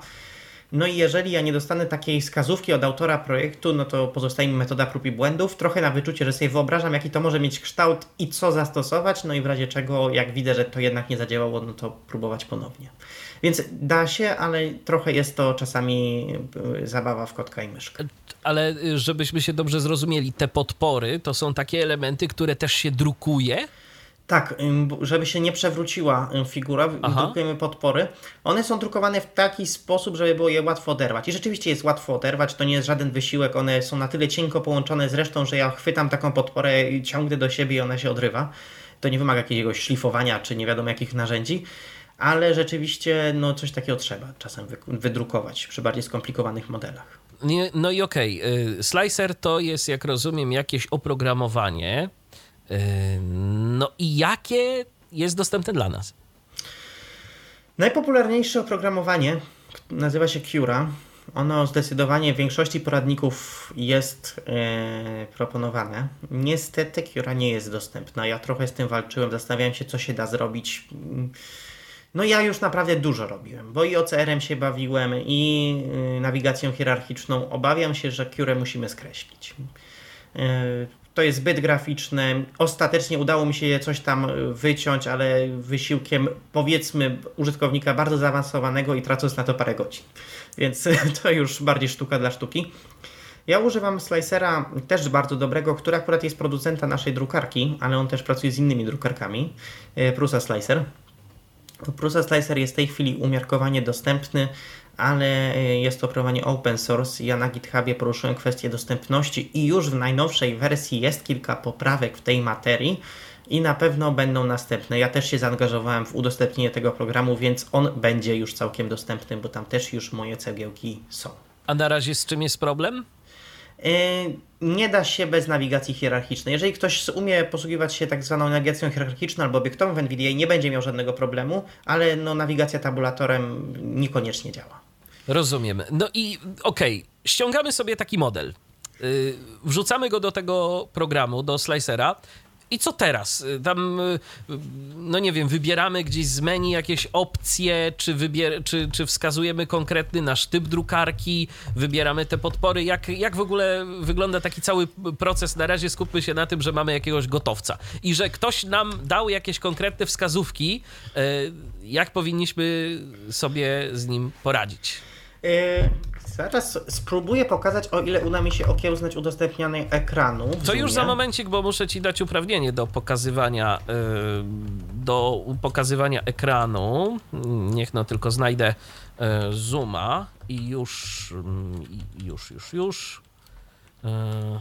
O, proszę bardzo. Tak. I już powinieneś mieć możliwość udostępniania ekranu. Zaraz zobaczymy. Udostępnić dźwięk. Robię to pierwszy raz, więc może coś pójść bardzo źle. Czy jest słychać Słychać dość cicho, dość cicho jest. Mm, Nie jestem pewien, w jaki sposób to zmienić. W NVDA może po prostu głośność masz ustawioną dość cicho. Powinna być na maksa, zaraz sprawdzimy. Niestety 100. Okej, no to trudno, y, ale to słychać. Ja ewentualnie tu po swojej stronie będę próbował coś korygować. Uruchamiam Prusa Slicer, czyli oprogramowanie, o którym mówię. W wersji, którą być może niektórzy widzieli już na moim blogu, bo ja ten program prezentowałem, była poprzednia wersja, w której dostępność wyglądała dużo gorzej. Tu już jest kilka poprawek ode mnie, które sprawiły, że dostępne jest menu. Bo poprzednio to menu nie było dostępne i trzeba było posługiwać się skrótami klawiszowymi, zapamiętać co jest czym albo użyć OCR-a. W tej chwili menu już jest e, odczytywalne. Ja importuję jakiś projekt STL. Jak widać jest to najprostszy proces. Weźmy jakąś tabliczkę brajlowską. No i w tej chwili mam sobie projekt Slicera i pokażę mniej więcej jakimi ustawieniami dysponujemy. Y, Możemy ustalić wysokość warstwy. To jest jedno z najważniejszych ustawień. Y, O co chodzi? Chodzi o to, jak dużą skok między ko- kolejnymi warstwami wysokości będzie wykonać drukarka. Czyli czy ona za jednym zamachem będzie drukować na wysokość 0,1 mm, czy na wysokość 0,05 mm, czy na wysokość na przykład 0,4 mm. Yy, o co chodzi? Jak to zwykle bywa, im jest niższa wysokość warstwy, tym ja uzyskuję dużo bardziej precyzyjny wydruk, no bo wykonuję za każdym razem mniejsze ruchy, czyli mam większą precyzję nad filamentem, no ale wydruk trwa dużo dłużej. Ja odkryłem, że dla tabliczek musimy trzymać się bardzo małej wysokości warstwy, co bardzo wydłuża wydruk, no ale gdybym ja drukował tabliczki z wysokości warstwy 0,4, 0,5, no to co z tego, że miałbym tabliczkę w 15 minut, skoro Braille'a praktycznie nie dałoby się odczytać, bo wszystkie kropki się zlały w jedną. Sprawdzone. Tutaj mamy różne ustawienia tego, w jaki sposób głowica będzie działać. Nie będę ich wszystkich omawiać, bo byśmy przez 4 godziny siedzieli na, anten na antenie. Te wszystkie pola są etykietowane, tylko niestety NVIDIA jeszcze nie rozpoznaje etykiet i musiałbym do tego sięgać nawigacją obiektową. Ale grupy słyszymy, no i tutaj mamy ustawienia, które pozwalają, bardzo ważne, zdecydować w jakim punkcie wydruki będą rozpoczynane. Ja tak trochę prezentuję wybiórczo te opcje, chcę po prostu okazać przekrój tego, o czym decydujemy. Chodzi o to, że jedno z ciekawszych projektów, które myśmy drukowali, bo teraz jesteśmy po sercie, serii koncertów charytatywnych na rzecz fundacji, i stwierdziliśmy, że fajnie będzie wydrukować puszkę na datki na drukarce 3D. Yy, Zresztą puszka ta pewną furorę zrobiła. Się śmialiśmy, że yy, publiczność może pierwszy raz zobaczyć yy, puszkę wydrukowaną na drukarce 3D, ale pierwszy wydruk puszki był bardzo yy, słaby. Był taki punkt, jeden punkt, którym puszka jej pękały. Okazało się, że kiedy drukarka każdą część tej puszki zaczynała w tym samym miejscu, no to było to miejsce po prostu najsłabsze, najbardziej podatne na pęknięcia. No więc trzeba było w slicerze ustawić wydruk w taki sposób, by każda warstwa zaczynała się w troszeczkę innym miejscu, żeby nie tworzyć tej, że tak powiem, strefy najsłabszego y, mocowania. Mówię o tym jako ciekawostce takich rzeczy, do których się nie myśli, że slicer będzie potrzebny, jednak jest potrzebny. No to są najważniejsze ustawienia sposobu wydruku. Infill, czyli wypełnienie, decyduje o tym, jak twarde będzie nasz, y, nasz y, model. Bo kiedy ja drukuję na drukarce 3D, niekoniecznie opłaca się drukować wszystko, wypełniać materiałem, bo to jest bardzo duże marnowanie filamentu. Tak, może Mogę być z- pusty równie dobrze, jeżeli może nie być ma w środku potrzeby. pusty, albo na przykład wypełniony w 20-30%.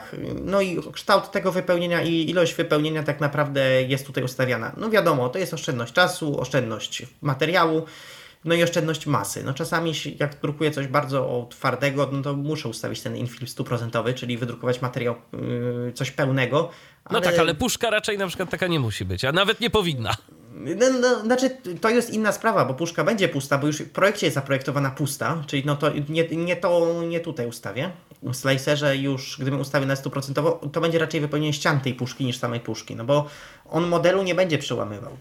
Ale gdybym na przykład chciał wydrukować sześcian, pełen sześcian, czyli miał model pełnego sześcianu, no to ustawienie tutaj infilu 25% albo 15% sprawi, że ten sześcian będzie tylko troszeczkę takimi cienkimi ściankami połączony zamiast po prostu być pełny i zlany. Rozumiem. Skirt and brim to są bardzo ważne rzeczy. Skirt, czyli z angielskiego spódnica, to jest, no dosłownie można powiedzieć taka spódnica, bo to jest wokół projektu, kiedy ja zaczynam wydruk, nanoszony jest taki plastik dookoła niego, taka nitka, która służy do tego, żeby po prostu rozgrzać dyszę. Jeżeli dysza miałaby się rozgrzać nierównomiernie, miałby być w niej resztki materiału, cokolwiek, to lepiej, żeby on stworzył taką niepotrzebną nitkę i ją po prostu potem się zerwało ze stołu, niż żeby no już miał to pójść w ostateczny wydruk. Brim to jest podstawka, która jest drukowana pod model. Jeżeli nasz model jest cienki, jeżeli nasz model mógłby upaść w trakcie wydruku, no to drukujemy taką małą podstawkę, którą potem się odrywa. Ona jest połączona z całym modelem, no i dzięki temu on po prostu nie upadnie. A to, to, to jeszcze nie są te podpory, tak? To jeszcze nie są podpory. Podpory ustawiamy dalej. Czyli support material, czyli dosłownie materiał wspomagający i tutaj generujemy podpory. No i ustawień podpór jest sporo, bo możemy ustawiać ilość warstw, Tutaj mam ustawione 0 warstw, y, czyli jak wysoki w warstwach. No tu trzeba trochę matematyki. Ma być materiał. Y, tutaj ustawiamy różne marginesy. Tutaj ustawiamy a, ja teraz jestem w trybie podstawowym, a nie ekspercki, bo trochę mi brakowało opcji. Możemy ustawić kształt tego materiału, w jakiej formie ma być ten materiał, czy to mają być na przykład takie proste linie, które będą podpierać nasz materiał, czy to mają być całe ściany, a może to mają być stożki, co, co czasami jest przydatne, czy mają być łatwe do oderwania, czy raczej chodzi nam na to, żeby, że muszą wytrzymać duży opór, czyli kosztem tego, że jednak będzie trudniej wyciąć, mają być twardsze, jak mają być wysokie, kiedy mają być generowane, jaka musi być odstęp między tam różnymi warstwami, żeby y, slicer uznał, że te podpory są potrzebne. No niestety to wymaga wprawy. Ja się tego trochę kilkoma nieudanymi wydrukami musiałem nauczyć, no, kiedy i jakie ustawienia tu wprowadzać. Speed, no czyli prędkość wydruku, wiadomo, im szybciej, tym lepiej, ale no, może ten filament wykapywać, może się okazać, że kapie, y, że łączą się kropki w Braille'u na przykład, że po prostu grawitacja robi swoje, no więc trzeba też wyczuć po prostu model trzeba wydrukować szybciej, wolniej i znaleźć tą optymalną prędkość. Y, tutaj możemy ustawić wydruk kilkoma filamentami jednocześnie. Jeszcze tego nie robiliśmy, ale na pewno będziemy robić, bo jest to dość ciekawe. A w jaki sposób to technicznie wygląda? Zawiesza się kilka filamentów jednocześnie, czy je trzeba wymieniać? Nie, zawiesza się kilka filamentów jednocześnie, ale no jak mówię, no to tanie drukarki tej opcji nie będą miały. Rozumiem. To, to jest właśnie też ta kwestia, że ja mówię, ja tutaj jestem w tej przewadze, że dysponujemy już drukarką z dość wysokiej półki po prostu. Więc to jest już taka opcja raczej dla troszkę droższego sprzętu. No i różne tam opcje zaawansowane. Y, no, ja pokazałem malutki przekrój tych opcji. Ich jest naprawdę wiele. Ja sam większością jeszcze się nie bawiłem. Jeszcze nie wiem, co niektórymi można zrobić. Slicer trzeba poznać. To nie jest tak, że ja mam model jak pliki JPG, go sobie wydrukuję, tylko wybiorę w jakim odcieniu, czy to ma być kolorowy, czy odcienia szarości. Tutaj przełączników, przycisków i tak dalej, jak kiedyś policzyłem, jest ponad 100. Więc tu po prostu pobranie modelu to jest y, pierwsza rzecz, a później y, co my zrobimy z tym modelem y, w slicerze też może mieć tak naprawdę bardzo duży wpływ na to, no, z, z czym będziemy mieli finalnie do czynienia, jaki będzie tego efekt. Dokładnie pobranie to, to jest y, dopiero pierwsza, pierwsza czynność. Czy y, tego typu portale z y, modelami, one wymagają jakiejś rejestracji, czy, czy tam po prostu się wchodzi, jest pobierz plik i, i tyle? Czy to, czy to jest jakieś bardziej złożone? Nie, nie. Na, na Thingiverse tak naprawdę cały proces to jest download. Ja wciska ten download. Ja założyłem tam konto po prostu, żeby zapisywać te modele, które no, wykorzystywałem bo to jest przydatne jednak mieć taką bibliotekę tych modeli, które się podobały. Ja mogę tam je ocenić, zaznaczyć jakieś moje ulubione, żeby potem po prostu nie poginęły, żeby wiedzieć, że to było fajne, że może ten użytkownik fajne rzeczy robi, ale nie jest to konieczne, chociaż dla mnie przydatne. A z ciekawości y, te projekty tabliczek, które y, tworzycie, y, planujesz udostępniać gdzieś, żeby inni mogli też z tego skorzystać, czy raczej to będzie tylko dla Was? Ja napisałem program, który służy do tworzenia modeli tabliczek, bo tu już wchodzimy w projektowanie. Ja go napisałem tak. akurat w języku Rabi. Napisałem program, który tworzy model tabliczki z tekstu. Ja użyłem biblioteki LibreWis, to jest taka biblioteka, której między innymi używa NVDA do rozpoznawania Braille'a. ściągnąłem wymiary punktów brajlowskich ze strony PZN-u, no i napisałem bibliotekę, która generuje to wszystko. No tam dość duży aparat matematyczny. Efektem jest program, który dosłownie składa się, no on jest oczywiście konsolowy, wpisuje tekst, który ma być umieszczony na tabliczce i program generuje taką tabliczkę. Czy ten program będzie open source'owany, czy ja go udostępnię na GitHubie, jeszcze nie wiem. Całkiem możliwe, że tak. No tak, bo to by mogło być rzeczywiście przydatne dla tych, którzy, dla tych instytucji, które być może mają swoje drukarki 3D. Ja jestem sobie w stanie wyobrazić, że niektóre szkoły chociażby y, są w posiadaniu tego typu urządzeń, bo to nie jest poza y, możliwościami finansowymi tego typu instytucji. No i im coś takiego by się rzeczywiście mogło przydać, skoro mają drukarki brajlowskie, no i drukarki 3D może gdzieś tam też y, się tak, w niektórych szkołach pojawiały. pojawiały trzeba pamiętać, że tak jak mówiłem, są dwie przeszkody w wydruku takich tabliczek pierwszą jest to, że tabliczki, ja myślałem, kiedy kupowaliśmy tę drukarkę, że zaczniemy od wydruku tabliczek, bo to będzie umiarkowanie łatwe. Okazało się, że nie, bo punkty brajlowskie, no jak tak spojrzymy na to trochę bardziej geometrycznie, no to tak naprawdę są półelipsoidy, to nie jest walec albo inna prosta figura, to są takie kropki, które no, się zwężają, mają, nie, nie są czubkiem, nie, nie, mają, nie są stożkiem, bo by to kuło w palce, tylko są bardziej sferyczne. E, ma, są dość regularnego kształtu. No i okazało się, że wydrukowanie takich punktów brajlowskich bardzo wielu eksperymentów wymagało, no i bardzo wielu tabliczek, na których tutaj też pokazywaliśmy wielu niewidomym członkom fundacji, ale też osobom, które są z zewnątrz, które no, prosiliśmy o opinię, że to za bardzo kuje, to jest nierówno. I się okazuje, że takie ustawienie, dopracowanie profilu do Stacera, ja stworzyłem taki profil ustawień już pod tabliczki, no wymagało bardzo wiele eksperymentów, czyli to nie jest kwestia tylko modelu. No i rzeczywiście jak szkoła ma drukarkę 3D, no to raczej możemy się spodziewać, że to prędzej będzie drukarka pod uczniów, czyli z tych niskobudżetowych, a te niskobudżetowe do Braille'a sprawdzono nie nadają się. I teraz przechodzimy właśnie do tego mm, elementu najtrudniejszego dla nas, czyli modelowanie. Modelowanie. Modelowanie jest jak najbardziej możliwe. E, tylko zanim opowiem o konkretnych narzędziach, powiem, że zbiega się tutaj wszystko, co może być e, na nie dla osób niewidomych, ponieważ wymaga wyobraźni przestrzennej, której no, siłą rzeczy zawsze ma, będziemy mieli ją bardziej trochę ograniczoną. Wymaga dobrego i to naprawdę dobrego aparatu matematycznego, a niestety u niewidomych zawsze ta matematyka jakiś tam problemem jest, co widać po różnych tam rozmowach z forów i tak dalej nie, podejrzewam, że bardziej z nieumiejętności uczenia przez nauczycieli niż y, jakiś braku predyspozycji, no ale jest to problem. Aparatu matematycznego może tak sprecyzujmy na poziomie liceum? Na, po, na poziomie, że fajnie jest wiedzieć, co to jest sinus hiperboliczny i tangens dwóch kątów. Okej, okay. no więc robi się już trochę sinus, sinus, cosinus, tangens, cotangens to już, to już gdzieś było, natomiast rzeczywiście sinus, jak powiedziałeś, hiperboliczny. hiperboliczny to już jest rzecz taka, no bardziej zaawansowana. Jesteśmy mniej więcej na poziomie powiedzmy matematyki do matury rozszerzonej, o tak bym to powiedział. To jest mniej więcej ten poziom. Mhm. może pierwszy rok jakichś studiów inżynierskich. Więc no, wymaga to pewnej wiedzy. To nie jest żadna wiedza, której nie można zdobyć w internecie, tak naprawdę. Zwłaszcza jeżeli ktoś sobie dobrze radzi z matematyką. Mamy różne takie udogodnienia jak MathFlyer, yy, który nam pozwala ładnie czytać cały zapis matematyczny na Wikipedii. Ale no zdecydowanie, kto, yy, jeżeli ktoś ma problem z matematyką, jeżeli dla kogoś jest to czarna magia, no to obawiam się, że niestety będzie musiał ten etap prac sobie trochę odpuścić.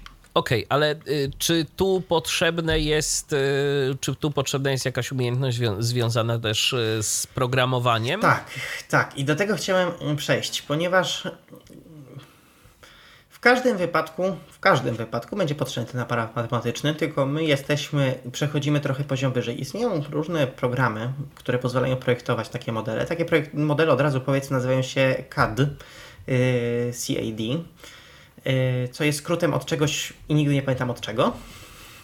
Y, w każdym razie y, są, jest oprogramowanie, często bardzo drogie oprogramowanie, które pozwala osobom widzącym ułatwić to projektowanie, czyli dosłownie no, wyklikuje się różne bryły i tak dalej. No, my tego jesteśmy pozbawieni. Nie wyobrażam sobie nawet, że dało się stworzyć dostępne oprogramowanie do tego, no bo trochę nie wiem jak.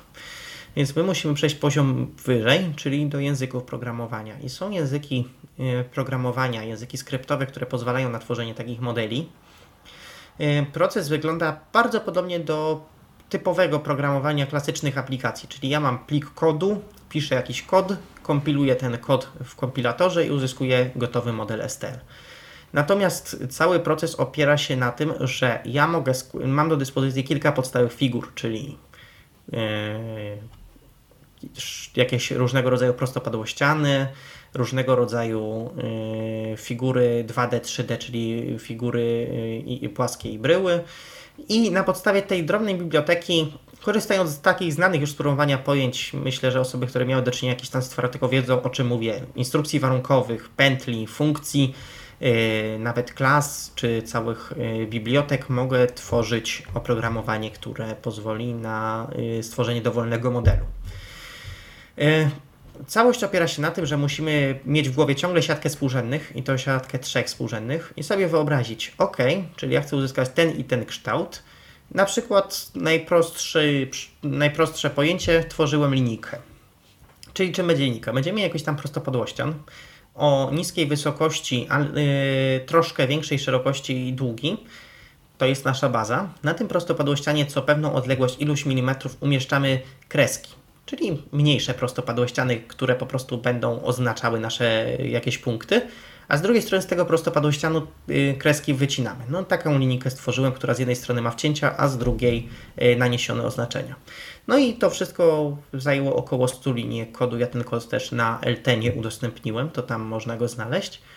No i w ten sposób powstała linijka, więc łączymy tutaj dobry aparat matematyczny, bo musimy wiedzieć w jaki sposób na przykład obliczyć pewne wysokości, pewne odległości, bo przecież musimy wiedzieć, gdzie coś się skończy, gdzie coś się zacznie, pod jakim kątem to umieścić, jaką będzie miało pole powierzchni. No niestety z aparatem informatycznym, czyli umiejętnością programowania, w jakimś języku programowania, bo tych języków przecież jest wiele. Czy masz jakiś e, taki e, wypracowany przez siebie zestaw dobrych praktyk, e, jak ty tworzysz te modele? No bo ja okej, okay, jestem sobie w stanie wyobrazić, że na przykład wyobrażamy sobie jakiś obiekt i w tym momencie ten obiekt musimy teraz co? Podzielić na jakieś na takie dane bryły, tak. da, dane bryły, małe elementy, które sobie musimy no, policzyć, jak my chcemy, żeby one wyglądały i później przetransponować to tak naprawdę na kod. Dokładnie, dokładnie tak to będzie wyglądać. Yy, więc ja bardzo podobny sposób myślę. Najpierw zastanawiam się, jak ja chcę coś stworzyć, a już kilka naprawdę skomplikowanych rzeczy tworzyłem. Może nie tak skomplikowanych jak jakieś makiety rzeźb, ale no już troszeczkę yy, niedawno drukowałem zegarek. Oczywiście nie działający zegarek, tylko tarczę zegarka po prostu, żeby spróbować. No tam już trochę więcej to było zabawy, bo no, mamy jednak koło, czyli musimy sobie przeliczać ciągle wszystko yy, na podstawie koła. Nie mamy tu równej odległości, bo yy, im bliżej środka, tym mniejsze są odległości między oznaczeniami na tarczy zegarka. E, więc ja zawsze zastanawiam się, z czego dany model się składa. Gdybym ja chciał go rozłożyć na takie podstawowe elementy, to z czego się składa? Jak on może wyglądać? Że to może być na przykład rzeczywiście jakiś yy, sześcian, do którego dołączam cztery walce i uzyskuję coś. Trzeba się nauczyć myśleć o sprawie matematycznie, czyli nie noga od krzesła, tylko na przykład walec albo prostopodłościa i tak dalej. Czyli tak naprawdę wracamy do tego samego, co w ogóle jest istotne w programowaniu rozbijanie e, problemu na jakieś podstawowe kroki, które mogą nas doprowadzić do jego rozwiązania. Dokładnie, no tutaj się niewiele różni projektowanie e, od e, programowania. Tak naprawdę nawet składnia jest podobna. Mamy te same zestawy operacji, jak mówiłem, też funkcje, pętle, no wszystko opiera się tylko zamiast programu, który ma coś zrobić, robimy coś, co ma jakoś wyglądać. E, to przypomnijmy, bo nie wiem, czy to wybrzmiało, jaki to jest język, w którym możemy taki model stworzyć? Języków jest wiele. One są oparte na przykład na Javie, są oparte na Haskellu. Jest ich bardzo dużo. Ja programowałem w OpenSCAD. OpenSCAD to jest język oparty akurat e, na e, właśnie Haskellu. Troszeczkę. On, to jest coś między Haskellem a Perlem moim zdaniem. Można programować też w językach które są oparte na Javie, są języki oparte na Pythonie, chociaż niestety już od dawna nie wspierane. Rozumiem. Y, a jak z dostępnością y, tego oprogramowania, które nam y, pozwoli przetworzyć ten kod źródłowy na plik wynikowy? To, to pewnie coś z linii poleceń, tak? Tak, tutaj cały proces to jest, ja piszę kod w Notepadzie++, akurat ja wykorzystuję Notepada++, ale to może być nawet zwykły notatnik, a potem wpisuję jedno polecenie, które kompiluję. Chociaż tutaj ważna uwaga i bardzo nieprzyjemne dla mnie zaskoczenie, Skompilowanie takiego projektu wcale nie jest proste, bo on musi wyjść sobie siatkę współrzędnych, przeliczyć i tak dalej. Ja byłem bardzo niemiło zaskoczony, bo kiedy ja zaczynałem działać, to ja mam dwa mm, laptopy. Mam y, Dell XPS, którego wykorzystuję no, do pracy. No i małego 13-calowego y, MacBooka, jeszcze z roku 2017, którego po prostu używam jak gdzieś jeszcze, no bo jest mały, jest fajny no więc kiedy pierwszy raz bawiłem się drukarką, miałem ze sobą tylko MacBooka, yy, miałem już przygotowany wcześniej projekt tej tabliczki, chciałem ją skompilować i sprawdzić, czy to zadziała. I nieprzyjemnie mnie zaskoczył czas kompilacji tabliczki 44 minuty. No niestety MacBook ze zintegrowaną kartograficzną i, i siódemką, ale co prawda nisko napięciową, okazało się, to nie jest komputer do takiej pracy, to mu po prostu trwa. I jednak tutaj y, podzespoły mają ogromne znaczenie, o czym się przekonałem ku swemu wielkiemu zdziwieniu. Czyli to nie jest tak, że to nam się stworzy w chwilę, musimy po prostu odczekać Dokładnie, dokładnie. Czasu. Y, więc no, projektowanie, się śmiałem, tabliczki na MacBooku trwa prawie tyle, co i wydruk. No na, na moim XPS-ie tam już jest i siódemka normalno napięciowa, powiedzmy no to już jest rozsądniejszy czas, bo coś takiego trwa około 6 minut zamiast 44 ale jednak przyznam, że dla mnie jako programisty ja byłem zdziwiony, no bo zwykle kiedy piszemy prosty program, kilka linii kodu, no to to się kompiluje w ułamku sekundy. No dokładnie, bo 100 linii kodu, no to nie jest jakoś bardzo wiele, yy, tak jak mówiłeś, więc to się powinno zrobić tak naprawdę w chwilę, a tu się okazuje, że to... Więc to było takie moje bardzo duże zaskoczenie. Przyznaję, tego się nie spodziewałem i pamiętam, że w pewnym momencie jak ta kompilacja trwała i trwa, no i oczywiście nie mam wyjścia, ile jest procent tej kompilacji, tylko y, y, y, in progress, to ja zacząłem zastanawiać, czy mi się komputer nie zawiesił. No właśnie, czy to, bo, bo to też tak może się człowiek zastanawiać wtedy, co to się tam właściwie dzieje. A tak z ciekawości, jakiej wielkości są te pliki wynikowe? To są, to się liczy w kilobajtach, w megabajtach? Taka jedna tabliczka około megabajta ma. Ale tabliczki są, jak, to, ciągle podkreślam, są trudnymi projektami, naprawdę mhm. trudnymi. Tam jest bardzo duża precyzja, przecież jest wiele tych półkul, te odstępy, to jest już trudny projekt. Y, takie na małe projekty, jakieś tam proste podstawki, kosteczki, figury, bryły, no to jest zwykle rozmiar liczony w dziesiątkach, setkach kilobajtów. Czy taki plik, jak sobie otworzymy na przykład w Notepadzie, to w ogóle coś z niego wyczytamy, nie. czy to jest już Nie, taka bardziej postać binarna? Binarny. To, to jest, jest zapis binarny. Zapis binarny. Mhm.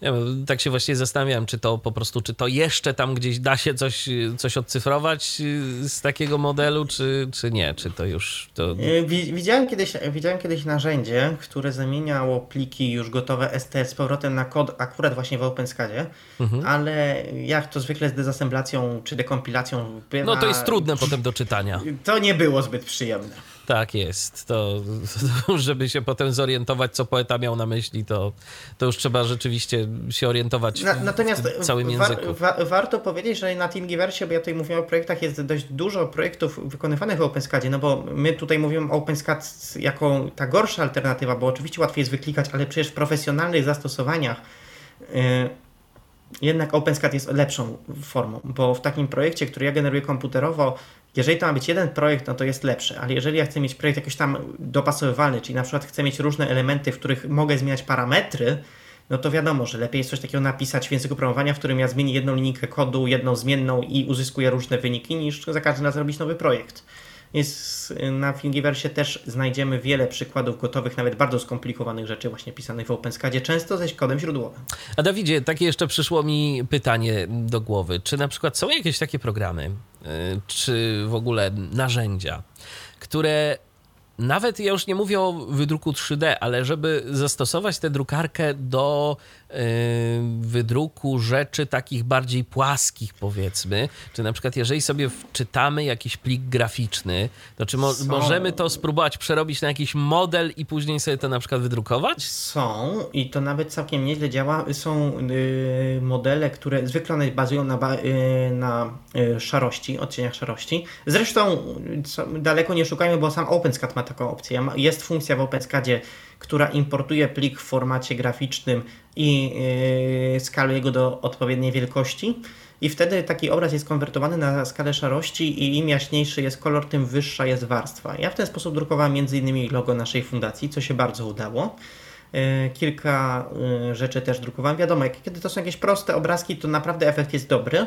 No już bardziej skomplikowane, no niestety wiadomo jak to jest ale jest to też bardzo interesujące doświadczenie i ja takich kilka wypukłych grafik mam, łącznie z tym, że wydrukowałem y, schemat na przykład stacji metra, no i umiem się w nim połapać. A jakieś na przykład takie, powiedzmy, zdjęcia. Załóżmy, że ktoś sobie robi na przykład, nie jakiś, yy, zrobi sobie zdjęcie telefonem yy, czegoś i później chciałby to przenieść na Próbowałem. drukarkę 3D. No właśnie, domyślam się, bo też bym próbował. Jaki był efekt? Zły.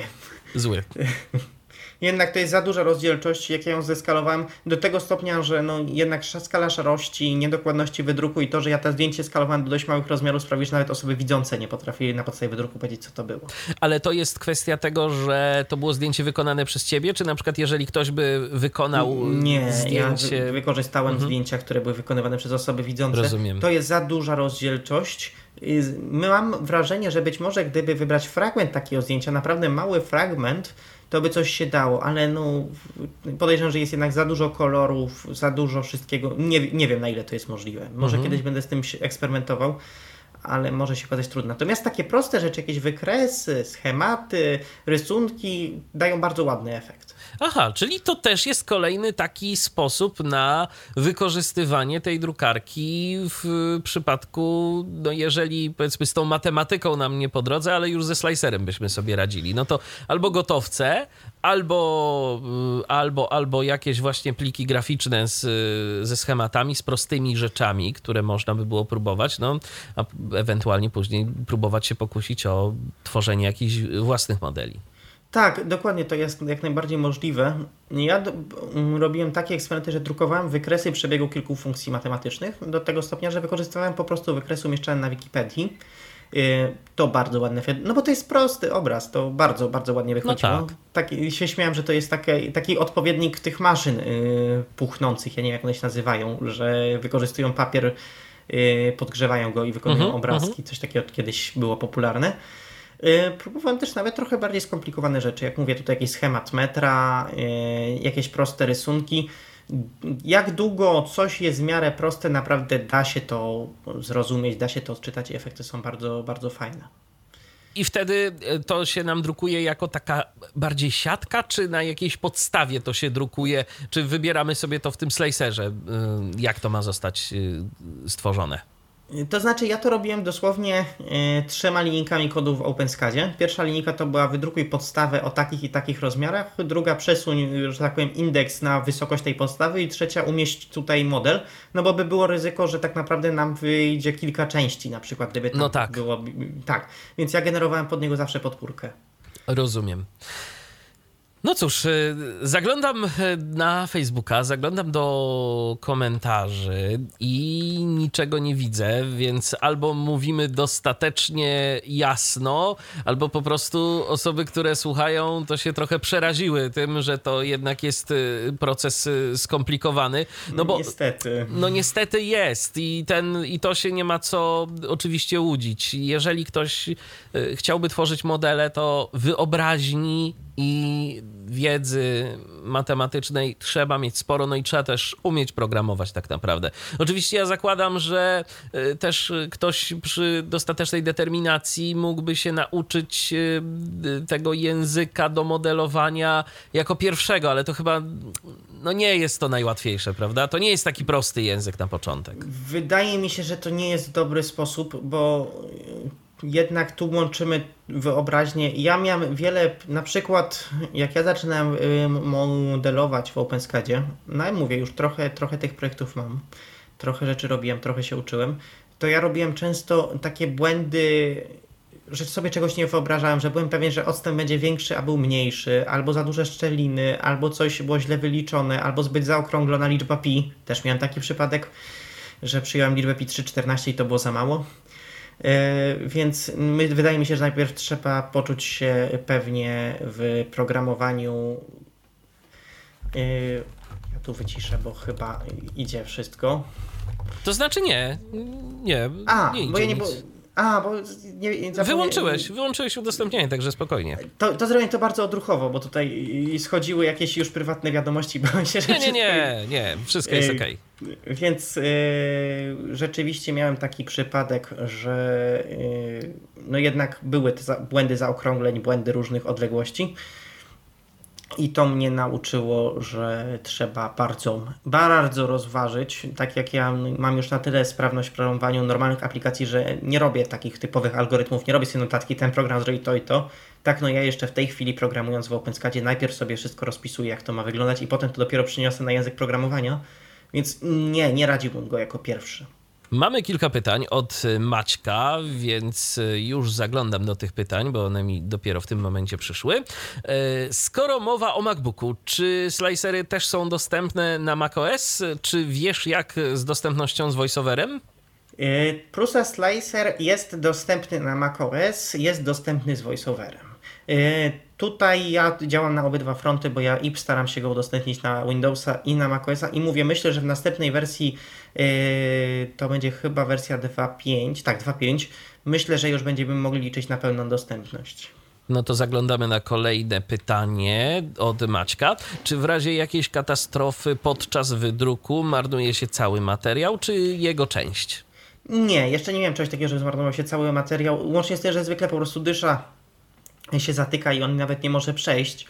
Słyszałem o kilku spektakularnych. Jak się wpisze w internet spektakularne katastrofy podczas druku 3D, to można znaleźć bardzo interesujące historie, łącznie z tym, że komuś tak się nie udał wydruk, że cała drukarka zleciała z biurka, bo po Oj. prostu materiał był tak ciężki, że ją przeważył i ją ściągnął. Ale no to już są naprawdę ekstremalne przypadki.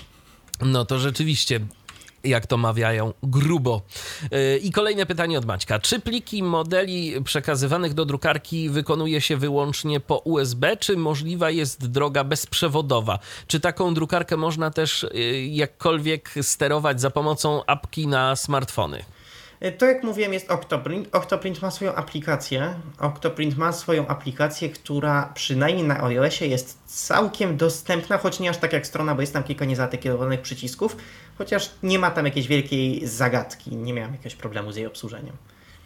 Więc tyle pytań od Maćka. Więcej pytań nie, widzę, więcej informacji się nie pojawia. Jeszcze takie pytanie, które mi przyszło e, na myśl, to taka propos drukarki jako takiej. Czy to jest w ogóle urządzenie głośne, bo ty wspomniałeś, że macie ją tam w e, odpowiednim pomieszczeniu, no też ze względu na warunki, e, że tak powiem, klimatyczne, które muszą być dla niej odpowiednie, ale ja się domyślam, że wiele osób może być w takiej sytuacji, że e, no, nie dysponuje osobnym pomieszczeniem dla takiej drukarki.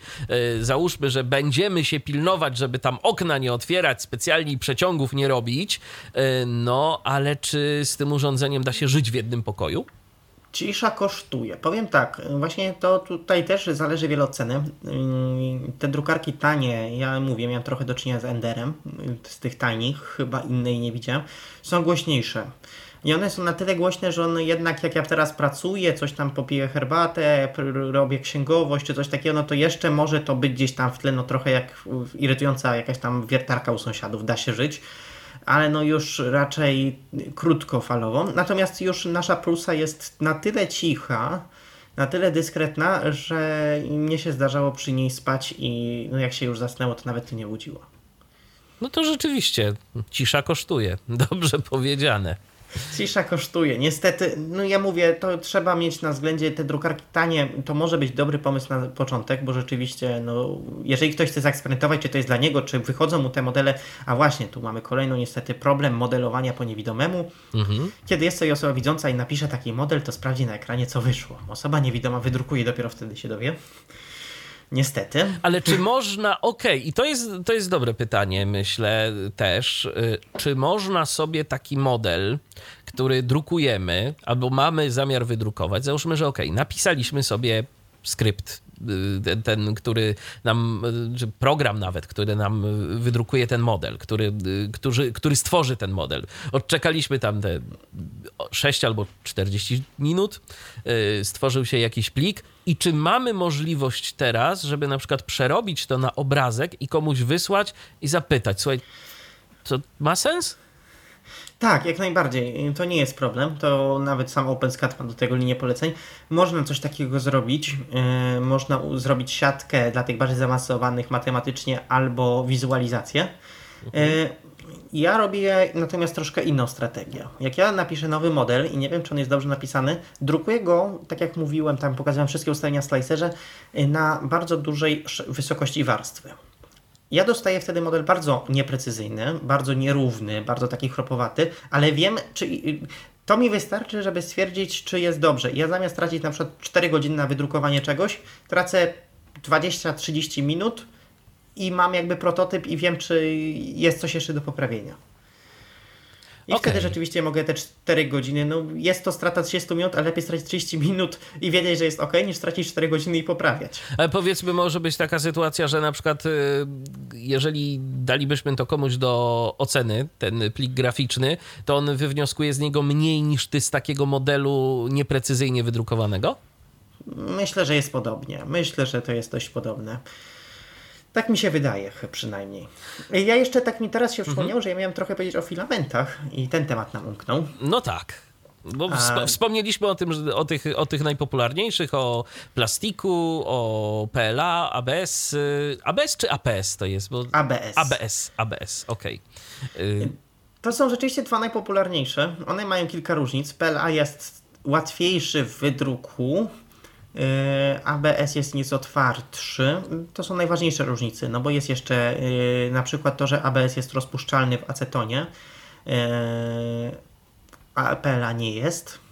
Natomiast zdecydowanie nie można powiedzieć, że jeden z tych materiałów jest lepszy. Ja często widzę w internecie opinię ABS jest lepszy. No więc wcale niekoniecznie. Myśmy drukowali i z PLA i z ABS-u i wszystkie tabliczki, które my wykonujemy, wykonujemy z PLA. Wykonujemy z PLA, a nie z ABS-u, ponieważ jest to wydruk po prostu prostsze, po prostu szybsze. Y, no i nie ma potrzeby, to trochę, trochę jest tak jak, nie wiem, dyskusja, czy napisać program w C, czy w jakimś Pythonie. No jeżeli to ma być prosty kalkulatorek, no to wiadomo, że C będzie troszeczkę wydajniejszy, troszeczkę szybszy, troszeczkę lepszy, ale czy ma sens? I trochę tak to wygląda, że ja uważam, że PLA do takich wydruków typu tabliczka na drzwi jak najbardziej się nadaje. E, no już bardziej takie rzeczy, które muszą więcej wytrzymać, na przykład te linijki brajlowskie, ja już drukowałem z ABS-u, bo PLA jest za słaby. No jest też szereg innych, mniej popularnych materiałów. Taki materiał, z którego myśmy wykonywali wiele wydruków jest PET.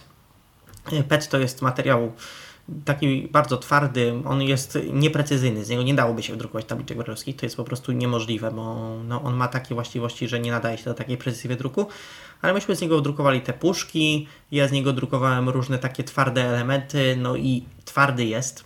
Są materiały y, typu y, nylon, które są właśnie bardzo elastyczne, służą do jakiegoś odchylania. Są materiały takie jak flex, które służą do wykonywania na przykład obudów na telefony. Często się widzi. Ja, ja często widzę, że na przykład iPhony mają takie obudowy proste z flexu, bo one są dość po prostu elastyczne. No, są materiały jak sklejka drewniana, no to już wiadomo o co chodzi. To już są bardzo trudne materiały do druków. Ja kiedyś na pewno będziemy się nimi zajmować. Yy, są materiały takie jak włókno szklane czy włókno węglowe, można z nich drukować. Ja mówię teraz o materiałach, z którymi niestety te tanie drukarki sobie nie poradzą. Nasza tak, ale te za 2000 nie. Są materiały jak TPU, yy, no, z którego dosłownie można drukować buty, o czym mówiłem. Y, albo jakieś torebki. Wiem, że się takie rzeczy robi z TPU. Mm, to chyba tyle z tych najpopularniejszych. Jest też wiele takich bardzo niszowych materiałów o bardzo szczególnych właściwościach. Ja na razie testowałem tak ze pięć różnych materiałów i tak może powiedzmy od razu, bo wspomniałeś parę razy, że linijki brajlowskie drukowałeś na drukarce, żeby ostudzić zapał. Nie, chodzi o linijki z oznaczeniami brajlowskimi do mierzenia, niestety. Tak, bo ja już widzę po prostu, że niektórzy mogliby sobie pomyśleć, kurczę, to ja sobie kupię drukarkę za parę tysięcy i będę drukować urządzenia, które za kilkanaście albo kilkadziesiąt tysięcy można kupić. To nie, nie, słuchajcie, do mierzenia mierzenia, taki przyrząd do mierzenia, nie monitory brajlowskie. Niestety Jeszcze nie. nie, jeszcze nie. Na, Chociaż na pew- może na, kiedyś. chociaż z takich rzeczy, których się nie, nie ma, to na pewno chcemy drukować suwmiarki. Jeszcze tego nie robiłem, ale chcemy drukować takie suwmiarki dla niewidomych, bo trudno jest dostać suwmiarkę. Tak, jak gdzieś, gdzieś raz y, miałem, ale jak później potrzebowałem gdzieś ją jeszcze dostać, tego typu urządzenie, to ciężko, faktycznie, ciężko. To znaczy, ja też naszych słuchaczy bardzo zachęcam. Na Eltenie jest taki wątek, w którym można składać swoje propozycje. Tam różne propozycje są. Więc jeżeli macie jakiś pomysł, co można wydrukować, a macie przypadkiem konto na Eltenie, no bo tam główna dyskusja trwa, to ja zapraszam, znajdźcie ten wątek. Yy, I tam rzeczywiście użytkownicy bardzo różnymi propozycjami się dzielą, i ja na pewno te propozycje bardzo biorę pod uwagę, bo myśmy wyszli z takiego założenia troszkę, że my też nie wszystko wiemy i bardzo chętnie posłuchamy opinii innych, co może komuś przyjść do głowy. Tak, i to później będzie można rzeczywiście w praktyce wykorzystać, no bo skoro jest sprzęt, to teraz tylko, żeby go użyć. Dokładnie. No jedyn, naszym główną przeszkodą jest to, że rzeczywiście my zaangażowaliśmy się w ten wydruk tabliczek. To jest też bardzo interesujący materiał, bo ja przy okazji tych tabliczek widziałem się z różnymi urząda, urzędami, z różnymi pracownikami tutaj też rządowymi, różnych instytucji, no najróżniejszych. I bardzo ciekawe wnioski też mam z tych rozmów. Na przykład bardzo wiele osób mi mówiło, że trudno im dotrzeć do niewidomych. No ale w każdym razie chodzi mi o to, że no niestety jest to angażujące i przez to, że my wykonujemy ten projekt, który okazał się bardzo potrzebny i zainteresowanie jest tak ogromne, że gdybym ja miał odpowiedzieć i dać tabliczki wszystkim urzędom, które by chciały te tabliczki, to chyba bym się wypłacił ze wszystkiego, co mam. Więc no, myślimy tutaj o jakimś większym projekcie, bo zainteresowanie tą technologią jest olbrzymie. Tak, szczególnie, no, że teraz instytucje publiczne zobligowane są do bycia dostępnymi, a dostępność to nie jest tylko kwestia zapewnienia działającej zgodnie z wytycznymi WCAG strony internetowej, ale też mamy te wszelkiego rodzaju aspekty architektoniczne. Dokładnie i no niestety to z jednej strony to jest świetny projekt i bardzo się cieszę, że go realizujemy, ale z drugiej trochę wstrzymał inne prace, no bo drukarka niestety może być albo do tego, albo tamtego. Bardzo rozważamy, czy postarać się, czy nie postarać się dosłownie o finansowanie na drugą drukarkę, bo trochę zainteresowanie przewyższa nasze możliwości produkcyjne. No tak, okazuje się, jedna drukarka to powoli za mało, no to cóż, życzę w takim razie, żeby się udało zebrać środki na kolejną, a, a może z czasem to tak jak wspominałeś w audycji, jakaś taka cała, taki cały kompleks się uda stworzyć z drukarkami 3D, które będą 24 na 7 wypluwały z siebie różne a ciekawe może, kto wie. urządzenia. Chociaż, chociaż w obecnych czasach to ja się bardziej nawet nie boję cen tych drukarek, tylko cen prądu potem. A właśnie, jak to jest? Jak, jak bardzo to jest prądożerne urządzenie? No to jest niestety prądożerne urządzenie. No nie, ma, nie, nie da się tutaj zaczarować, no jednak to są ogromne temperatury. No my drukujemy 24 na dobę, dokładnie tak. No podejrzewam, że mało kto z słuchaczy, którzy nawet jeżeli ktoś się zdecyduje na drukarkę 3D, będzie drukował tak intensywnie jak my.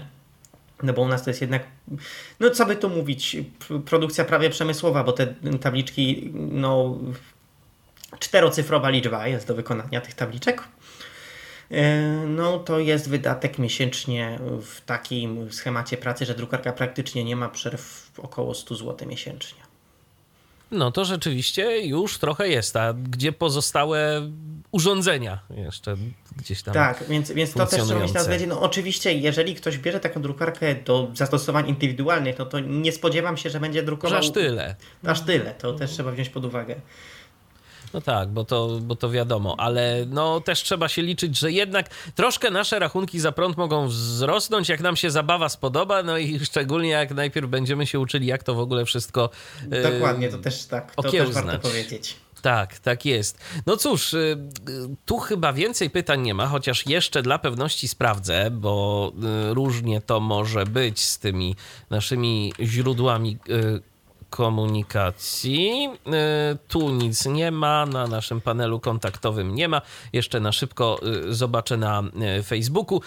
To cóż, Dawidzie, i jeszcze raz, żeby przejrzeć sobie ten wątek i żeby może coś zaproponować, to jest na Eltenie. Czy mógłbyś wskazać miejsce, gdzie, gdzie jest ten wątek? Zaraz go znajdę, też chwilę, bo ja przyznaję, nie pamiętam, ale zaraz go znajdziemy. Ja też właśnie nie pamiętam, a, a pamiętam, że go też oglądałem i go czytałem, bo rzeczywiście sporo różnych ciekawych rzeczy tam ludzie podrzucali. Ja chociażby mogę powiedzieć taką, y, te, te, taką rzecz a propos drukarki 3D, że ostatnimi czasy y, w związku z remontem, to na przykład y, ja gdzieś znalazłem ofertę na taki wieszak do Apple TV, bo akurat stałem się posiadaczem tego urządzenia, a chciałem, żeby można było je powiesić na ścianie. No i takie urządzenie, taki właśnie wieszak do Apple TV, y, który, w które się po prostu jest wydrukowany na drukarce 3D, taki stojaczek, w który się to urządzenie wkłada i można je przykręcić do ściany. Ostatnio sobie właśnie coś takiego zakupiłem, także no, te drukarki 3D są, są rzeczywiście powszechnie tak, używane do różnych, różnych. Bardzo przydatne. Y, rzeczy. Wątek jest na, w grupie Samodzielność Niewidomych na forum Inne. Ten wątek się Rozpoczęliśmy testy wydruku 3D. Tam propozycji jest bardzo dużo. Też na moim blogu ja postaram się link umieścić, o ile tylko nie zapomnę. E, ja pokazałem ten wydruk w praktyce. Tam przeszliśmy przez slicer w poprzedniej wersji, troszkę mniej dostępnej. Pokazałem e, całość procesu, łącznie z tym, że ten wydruk był tam na żywo cały wykonany. Taką kostkę wydrukowaliśmy małą. E, więc tego nagrania też, jak ktoś jest zainteresowany, można wysłuchać. No i oczywiście jest też wątek na Eltenie, w którym można zadawać pytania odnośnie wydruku, też można oczywiście pod audycją, jak będzie opublikowane komentarze. Ja chętnie na te wszystkie pytania y, odpowiem, bo nie, nie wiem, czy w Polsce było wcześniej coś takiego, żeby osoby niewidome tym zagadnieniem się zajmowały. Chyba nie. Chyba nie.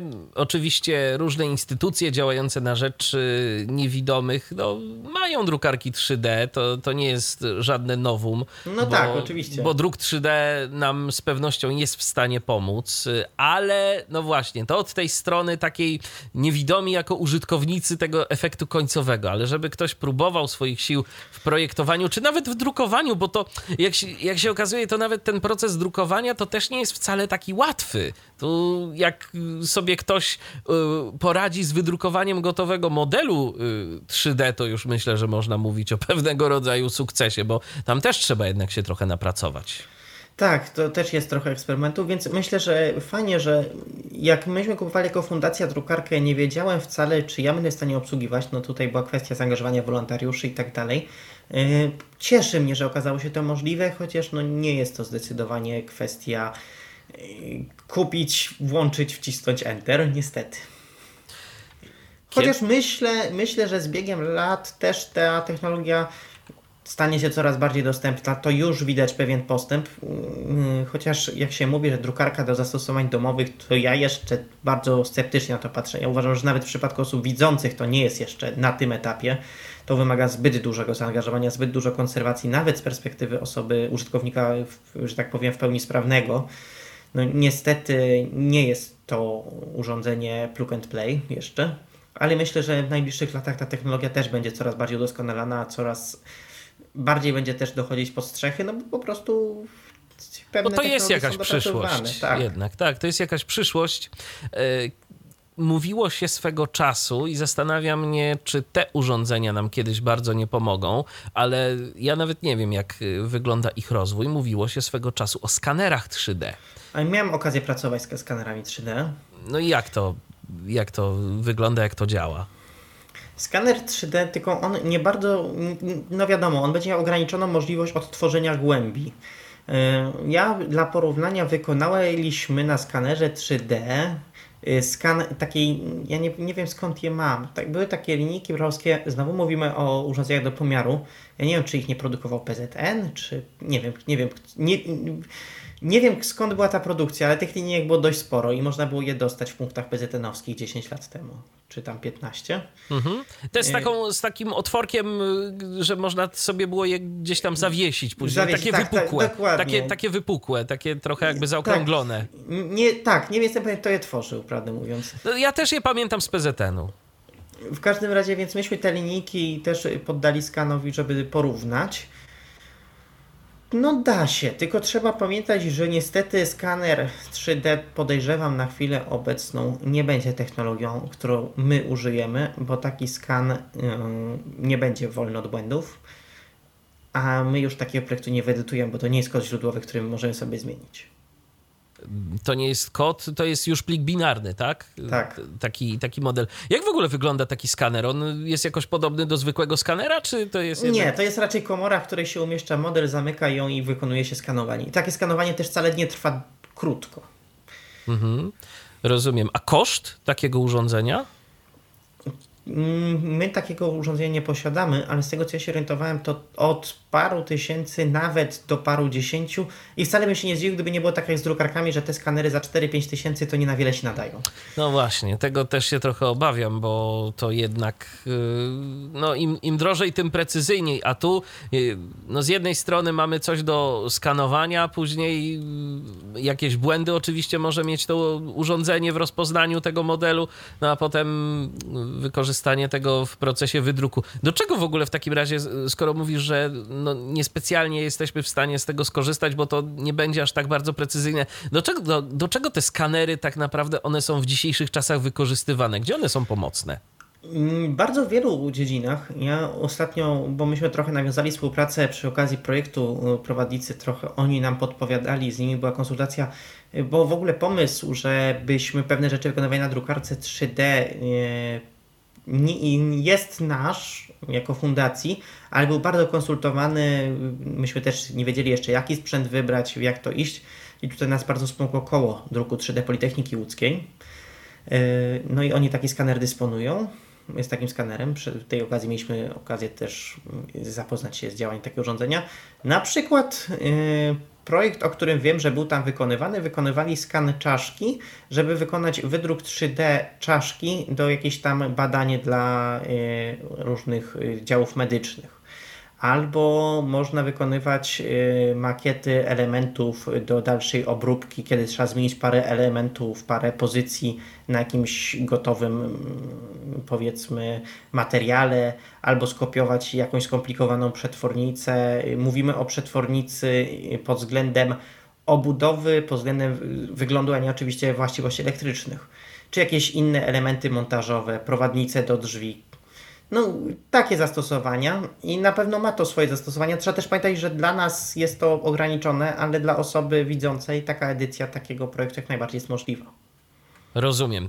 Mamy pytanie jeszcze od Maćka. Wspomniałeś, Dawidzie, o finansowaniu drukarki. Z ciekawości można wiedzieć skąd, co i jak? Ta drukarka była sfinansowana z Narodowego Instytutu Wolności, Centrum Rozwoju Społeczeństwa Obywatelskiego w ramach y, programu y, Fundusz Inicjatyw Obywatelskich. No ale tu mówimy o finansowaniu dla y, NGO, a nie dla użytkowników prywatnych. W sensie to nie, nie jest jak aktywny samorząd, że o to może się starać osoba niewidoma, tylko o to mogą się starać po prostu instytucje posiadające osobowość prawną. Swoją drogą ciekawe, czy w aktywnym samorządzie przeszłaby dofinansowanie do drukarki 3D. Nie wiem, ale by się nie zmieściło w puli. Y, wiesz co? Y, no ale nie. Dla sprzętu tego ogólnego, no tam jest y, do ilu? Do, do 9 do 9 tysięcy. To więc... trochę by trzeba przynajmniej do tej prusy dopłacić jeszcze. Okej, okay, no to, to w takim razie za taką drukarkę, z jakiej wykorzystacie, to ile trzeba zapłacić? Wliczając tak naprawdę, bo sama drukarka to jest drukarka, ale wliczając no niezbędny osprzęt, bo dość często można znaleźć ją, nawet mi ktoś pokazywał za 4900 zł, czyli no niecałe 5000, tylko to nie była drukarka w stanie gotowe do użytku, tylko drukarka w stanie dokup sobie głowicę, dokup sobie dyszę, dokup sobie ekstruder, dokup sobie stół i wszystko inne. Więc no ja podejrzewam, że taka cena rozruchowa to będzie około 12 tysięcy. Oj, no to drogo, ale to zaskoczyłeś mnie mówiąc właśnie o tym, że są takie oferty na drukarkę bez tych y, części, bez których ona nie jest w stanie działać. Czyli tak naprawdę, jeżeli my kupujemy y, drukarkę, to my też musimy na to zwracać uwagę, tak? Czy tam mamy wszystko w komplecie? Y, tak, znaczy to tak naprawdę trzeba pamiętać, że drukarka w takiej wersji, że tak powiem, dziewiczej, czyli której mamy tylko drukarkę, jeżeli chcemy na przykład wykonywać wydruki, bo my w fundacji od razu to potraktowaliśmy jako projekt badawczy, tak naprawdę myśmy uzyskali dofinansowanie na zbadanie możliwości wykonywania wydruków 3D. No i te badania się zakończyły, ten projekt trwał do 15 grudnia i myśmy mieli za zadanie z tego dofinansowania zbadać, więc to był, myśmy kupowali wiele różnych filamentów, wiele różnych stołów, wiele różnych dysz o różnej średnicy yy, jeżeli ktoś wie, że chce na przykład drukować tylko z PLA, no to myślę, że mógłbyś ściąć te koszty znacznie, bo wybrać tylko te dyszek, które jest potrzebne do PLA, tylko ten stół, który jest potrzebny do PLA, no i mogłoby się okazać, że z 12 tysięcy zrobi się 7, no ale kosztem trochę mniejszej funkcjonalności ewentualnie kupić sobie na start coś, a potem to rozbudowywać, tak? Dokładnie, Dokupywać tak. te y, konkretne y, podzespoły, które by nam tam były Dokładnie. potrzebne w przyszłości. No w każdym razie tanio nie jest za taką drukarkę, jaką wy posiadacie. Tak czy inaczej, to nie jest coś, co y, nawet oszczędzając przez chwilę jesteśmy sobie w stanie od tak kupić. No chyba, że ktoś rzeczywiście no, odpowiednio zarabia, no bo to, bo to wiadomo, ale tak na, dla przeciętnego użytkownika, no to jest to nie jest mała cena. To nie jest mała Nie cena. jest, nie jest. Mówię, są tańsze drukarki. Ja tutaj bardzo zwracam uwagę na te endery, bo one w tej cenie są dobre, tylko niestety no, tabliczki, bo to, było, to jest to zaskoczenie, którym ja się zawsze dzielę, bo ja z wieloma osobami rozmawiałem i mówię tabliczki brajlowskie i mi mówią, no tabliczki z punkcikami brajlu, no to przecież jest łatwe. No, proste, tak, tak, tak. A się okazuje, że nie. Ja drukowałem dużo ciekawsze, znaczy inne rzeczy, które mogłyby się dawać trudniejsze, a były prostsze. Czyli to też z tym drukiem 3D jest tak, że pewne rzeczy, które nam się wydają, że będzie łatwo, okazuje się, że no wcale łatwo nie jest, a to, co no by tak się mogło wydawać, że będzie problem, to, to, to się okazuje, że nie. No, dokładnie. No, wyobraźmy sobie fajny projekt, który właśnie drukowaliśmy, ta puszka na datki. No jak Aha. wygląda puszka na datki? Puszka na datki, no ten schemat w OpenSCADzie zaraz dokładnie powiem, żeby nie skłamać. Yy, jak go mam tu zapisane? Yy. O, mam ją. Puszka na datki z pokrywką zajęła 24 linijki kodu. Yy, bo tak naprawdę to jest yy, walec, w którym wycinamy mniejszy walec, czyli wnętrze puszki, a pokrywka to jest dokładnie to samo walec z wyciętym mniejszym walcem, no i jeszcze wyciętym tym sześcianem na wrzucanie tam pieniędzy czy monet. No i taki projekt tak naprawdę spokojnie na takie drukarce za 2000 byśmy mogli wydrukować. Tu nie ma żadnej skomplikowanej precyzji, nic, no to jest walec. Ale czekaj, czekaj, 24 linijki to był ten Kodu. kod, tak? To, był, to była ta puszka, a tabliczki to 100, tak? Linijek. No, um, chyba nawet trochę więcej. Zaraz dokładnie powiem. Skoro już mówimy tak precyzyjnie, to otworzymy. Okay. Um, dokładnie 132. No cóż, to rzeczywiście, wydawałoby się, że to jednak puszka większe i przestrzenne w dodatku, a ta tabliczka to przecież taka płaska. Dokładnie, więc, więc tutaj też trzeba się nauczyć, co jest trudne, a co nie. Tak, tak. No, przypuszczam, że właśnie kwestia tych y, punkcików y, to najwięcej zajmuje. Bo... Tak, i tu znowu, tu trzeba wyobraźni, bo czym jest punkt brajlowski? Bo tu, tu, tu musimy sobie odpowiedzieć na to dość takie proste, wydawałoby się pytanie, czym jest punkt brajlowski? Bo taka intuicja mi podpowiedziała, jak ja zacząłem myśleć nad tym problemem, że punkt brajlowski to jest walec, a to nie jest prawda. Łącznie z tym, że jak parę razy się spotkałem z punktami, z Braillem, który był takimi walcami, nie mogę sobie już powiedzieć, gdzie to było, ale na pewno coś takiego widziałem i to nie jest walec. Czy to jest w takim razie stożek? Mi to, by się, mi to by się bardziej skojarzyło z jakimś takim, czy, taką połówką kuli. To już jest właśnie lepszy sposób myślenia, ale gdyby to była połówka kuli, bo PZN podaje, że średnica punktu brajlowskiego powinna mieć 1,3 mm, a wysokość punktu brajlowskiego powinna mieć yy, 0,5. Czyli to nie może być połówka kuli, no bo wtedy by wysokość musiała być taka sama jak średnica. Więc co no to tak. tak naprawdę jest? I tak naprawdę to jest fragment elipsoidy. I znowu, no, jak mówimy o elipsoidzie, to musimy wiedzieć, co to jest elipsoida. Więc trzeba mieć taką wyobraźnię, że zastanowić się, co to jest i jak to wygląda i jak to zaprojektować. No i tak naprawdę się okazuje, że ym, ja punkty generuję jako ściętą elipsoidę. I one są rzeczywiście takie y, podobne do tego, co możemy zobaczyć na kartkach brailleowskich? Tak, tak, zdecydowanie tak. Chociaż myśmy do tego dochodzili, bo ja próbowałem robić punkty y, jako y, właśnie też stożek, wychodząc z założenia, że może to wyjdzie. No i te stożki mi wszyscy niewitomi mówili, którzy to testowali, to tak kuje w palce, że się nie da. Więc to nie mogą być stożki.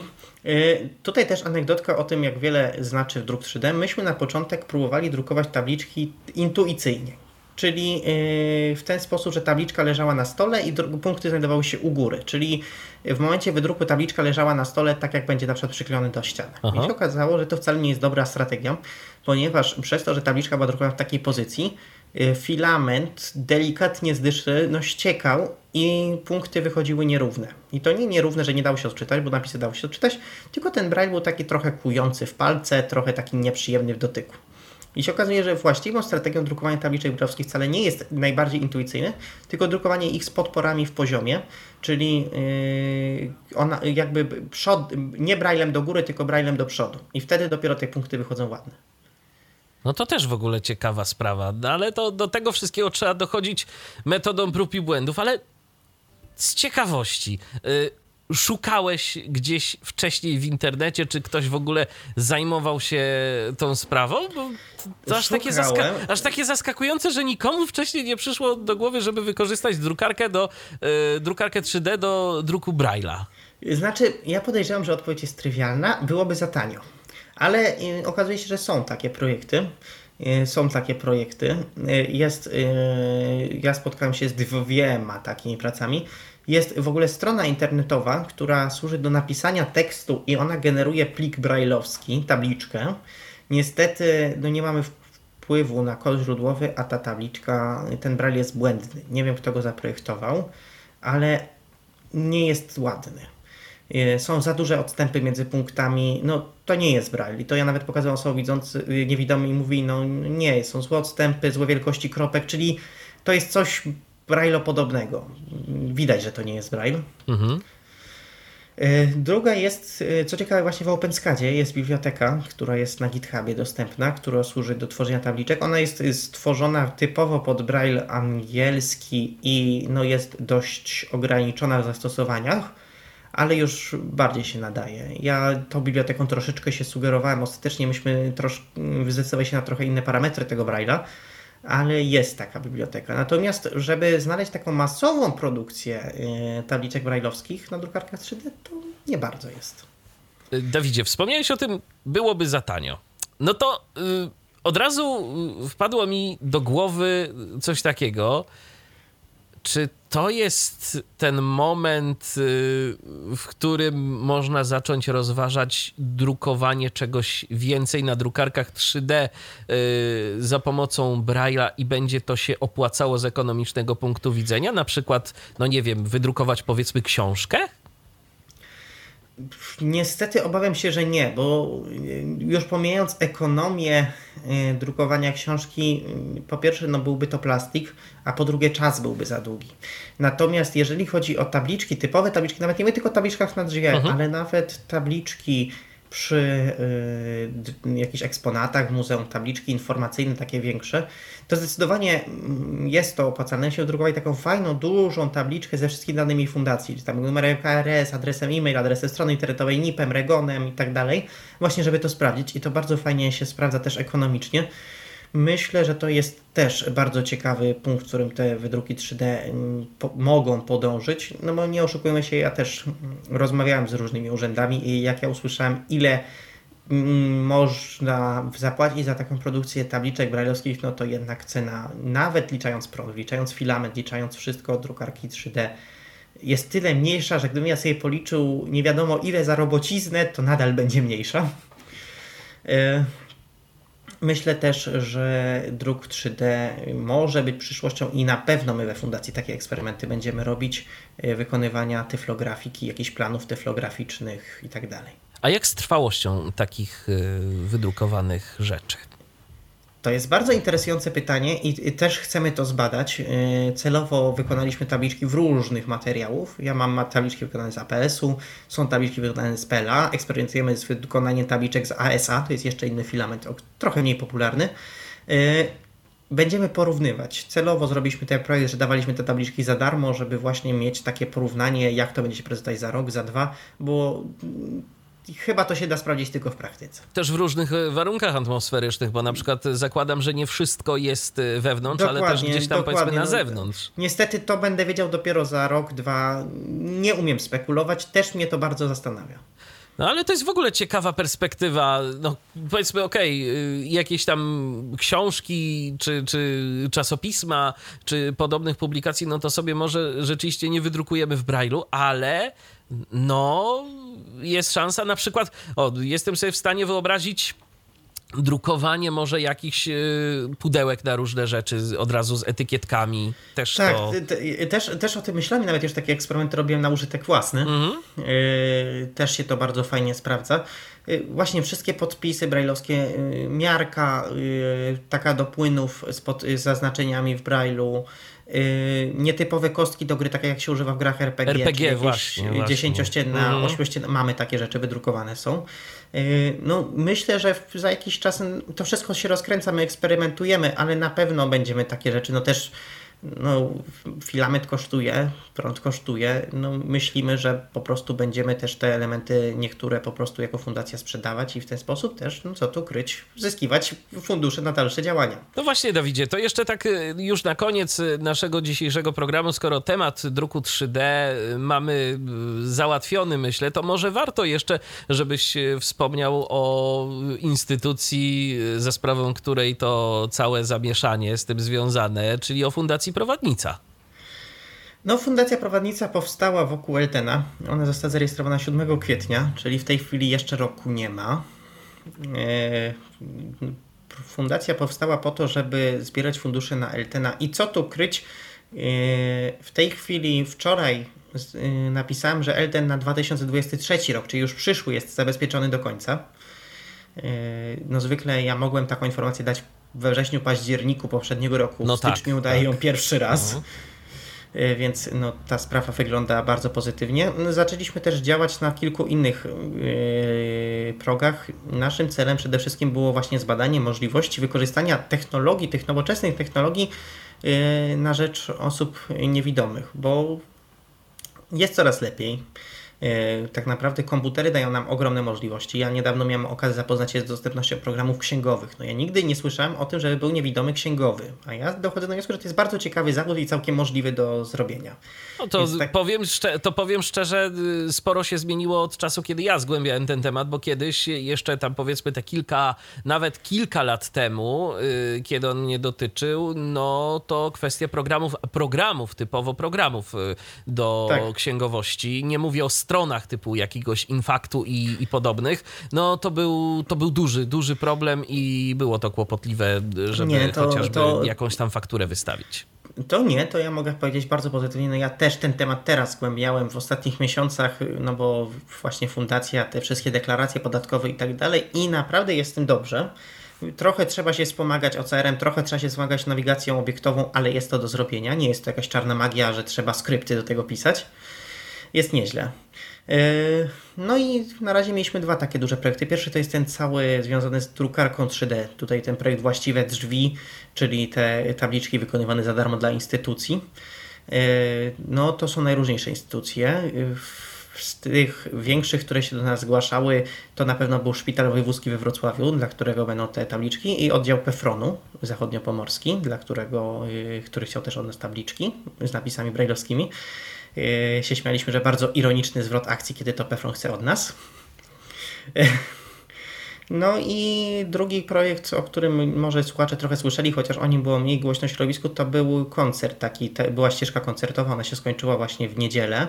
Yy, grupa niewidomych muzyków, tutaj Natalia Kaczor, Daria Barszczyk, część osób z Fundacji Pradnica, E, Piotr Żołądek, e, Krzysiek Maciejczyk, Adrian Wyka, mam nadzieję, że o nikim nie zapominam, Zuza Mikler. E, jak o niej zapomniałem, to bardzo przepraszam. A, i Kinga Czyżewska-Drabik. Jeździliśmy po Polsce, no już z takimi dość dużymi chyba koncertami kolendowymi. Ja miałem tutaj zaszczyt być pianistą. Występowaliśmy w Muzeum Imigracji, występowaliśmy w Ośrodku Kultury Ursynów, no i też, co tu kryć, przy okazji tych koncertów właśnie zbieraliśmy na Eltena. No i ten projekt też ja oceniam jako bardzo duży sukces, więc... No... I też finansowy rzeczywiście, bo ja tam widziałem, jak yy, publikowałeś informacje odnośnie tego, ile, ile udało się zebrać, no to, to, to, to nie były takie małe e, Tak, to, to, to były kwoty bardzo duże. No co tu kryć, no myśmy mieli frekwencję na tych koncertach, no zależy, ale po 400 osób bywało. Więc no, uważam, że to też był taki bardzo duży sukces. Przede wszystkim mnie cieszy, że to było raz, że niewidomi, bo przecież to były tylko osoby niewidome, wyszli ze swoim repertuarem, ze swoim składem, tylko osoby niewidome, ale do widzących, czyli to nie był jakiś koncert w Laskach albo w innej szkole, ośrodku, albo na jakiejś wystawie, nie wiem, PZN-u, tylko rzeczywiście myśmy wyszli do domów kultury, do y, sal koncertowych normalnie z widzącą publicznością, no i w publiczność rzeczywiście to były osoby nam obce, czyli nie, że jakaś tam rodzina, znajomi, tylko rzeczywiście ta promocja zadziałała. Więc to uważam, że no, fundacja jest moda. W tej chwili mamy 9 miesięcy, ale myślę, że mamy takie dwa bardzo fajne projekty już za, za sobą lub w trakcie. Jeżeli ktoś chciałby dowiedzieć się więcej o waszej działalności, czy jakoś wesprzeć, to w jaki sposób może to zrobić? To my Jakaś oczywiście strona zapraszamy na stronę www.prowadnica.org. I oczywiście chodzi o te prowadnice, ścieżki prowadzące dla niewidomych, a nie to, co ja ciągle słyszę, czyli czy chodzi o prowadnicę jak ktoś skojarzył nas z prowadnicą kulkową do drzwi, że my chcemy otwierać drzwi i stąd ta nazwa. Takie niedawno słyszałem skojarzenie. A jeszcze zabawniej było, jak wystawiano na nas fakturę i ktoś źle zapamiętał nazwę i dostaliśmy fakturę wystawioną na Fundację Prostownica. Aha, no to wiesz, to może, może i dostępny zawód y, fryzjera dla niewidomych kiedyś się gdzieś tam okaże. E, tak, więc, więc się śmiemy, że następna będzie prądnica. A też może być, bo to w sumie no, takie słowo, które nie jest y, bardzo oczywiste, więc rzeczywiście ludzie mogą mieć problem. Tak samo jak przecież u nas y, w przypadku Firu niejednokrotnie słyszymy o Fundacji Instytutu Rozwoju Regionalnego. Tak, doku, tak? Doku, nie, dokładnie. Nie instytut, no, tylko Instytutu. No to już jest nagminne wręcz, powiedziałbym. E, tak, bardzo, bardzo, bardzo wiele jest takich, no ale przynajmniej potem są rzeczywiście anegdoty a y, faktura na Fundację Prostownica zdecydowanie do archiwum musi trafić i trafi. Y, co ciekawe, ja też tego nie zauważyłem, dopiero księgowa to zauważyła. A no widzisz, no i tak bywa. Także prowadnica.org. Nie, nie, prądowni, nie prądownica, nie prądnica, nie prostownica, prowadnica.org. Tam można o was poczytać, o tym, y, co robicie, czym się zajmujecie. No przede wszystkim Elten. Do, do Eltena też zapraszamy, bo projekt działa, ma się dobrze, y, no i się, i się rozwija i będzie y, dalej istniał, bo finansowanie no jest jest. Y, tutaj y, pod tym względem, że zdecydowanie jest to bardzo duży sukces. Tutaj fundacja dużo, dużo pomogła. No, w tym roku Elten będzie kończył 8 lat. Ja pamiętam, jak się zaczynał Elten, to był rok 2014, no to ja też nie miałem doświadczenia, wtedy jeszcze byłem w gimnazjum, tam błędów oj było, ja, ja wspominam co tam się działo za tych pierwszych wersji, się uruchamiało program, on się nie uruchamiał, nie dało się kopiować do schowka, wszystko się działo. No zdecydowanie Elten już się bar bardzo rozwinął. Pamiętam, wieszczono, że upadnie po roku, dwóch, trzech, mamy osiem i ma się... I działa. Tak, no to, to jest oczywiście coś, co, co gdzieś tam zawsze się y, mówi o różnych projektach, że a, to pewnie, pewnie upadnie, pewnie coś tam. Zwłaszcza, że no powiedzmy sobie szczerze, to był projekt inspirowany innym, który już y, z nami nie istnieje, czyli, czyli Klango, tak? No to gdzieś tam te inspiracje były, y, ale teraz Elten już Y, kroczy własną ścieżką i, no i, i działa. Przede wszystkim działa działa i jak pokazały właśnie osiągnięcia, przynajmniej do końca 2023 roku działać będzie, a ja podejrzewam, że w tym tempie finansowania to może się okazać, że ja zaraz powiem, że Elton jest na następne 5 lat zabezpieczony i nie chce mi się tego liczyć. No to słuchajcie, to po prostu y, nic tylko korzystać, bo okazuje się, że na najbliższy czas y, korzystać będzie z czego, także zapraszamy. Elten y, teraz, bo tam jakieś zmiany w międzyczasie, link. tak, nazewnicze były elten.link, tam pobierzecie komunikator. Na razie w wersji dla Windowsa. Na razie wersji dla Windowsa też mam szczerą nadzieję, że to najbliższe lata zmienią, bo no jak widać posuwa się to na tyle dobrze do przodu, że kto wie, może, może coś się zmieni, a myślę, że to jest najważniejszy, najwyższy czas, żeby zmienić, bo już ma się zmienić od wielu, wielu lat. Dokładnie tak. I tego życzę Tobie jako pomysłodawcy projektu, no i oczywiście wszystkim użytkownikom, którzy chcieliby też na urządzeniach mobilnych również z Eltena korzystać. Dziś o druku 3D przede wszystkim rozmawialiśmy, no ale i także o pozostałe kwestie udało nam się na koniec zahaczyć, także zachęcamy do korzystania z Eltena. Zajrzyjcie na stronę Fundacji Prowadnica. Ja Tobie, Dawidzie, dziękuję bardzo za udział ja bardzo w dzisiejszej audycji. Za zaproszenie. Dzięki. Przypomnę, że moim dzisiejszym gościem był Dawid Pieper. Rozmawialiśmy na temat druku 3D. Michał Dziwisz, kłaniam się. Do usłyszenia. Do następnego spotkania na antenie Tyfloradia. Był to Tyflo Podcast. Pierwszy polski podcast dla niewidomych i słabowidzących. Program współfinansowany ze środków Państwowego Funduszu Rehabilitacji Osób Niepełnosprawnych.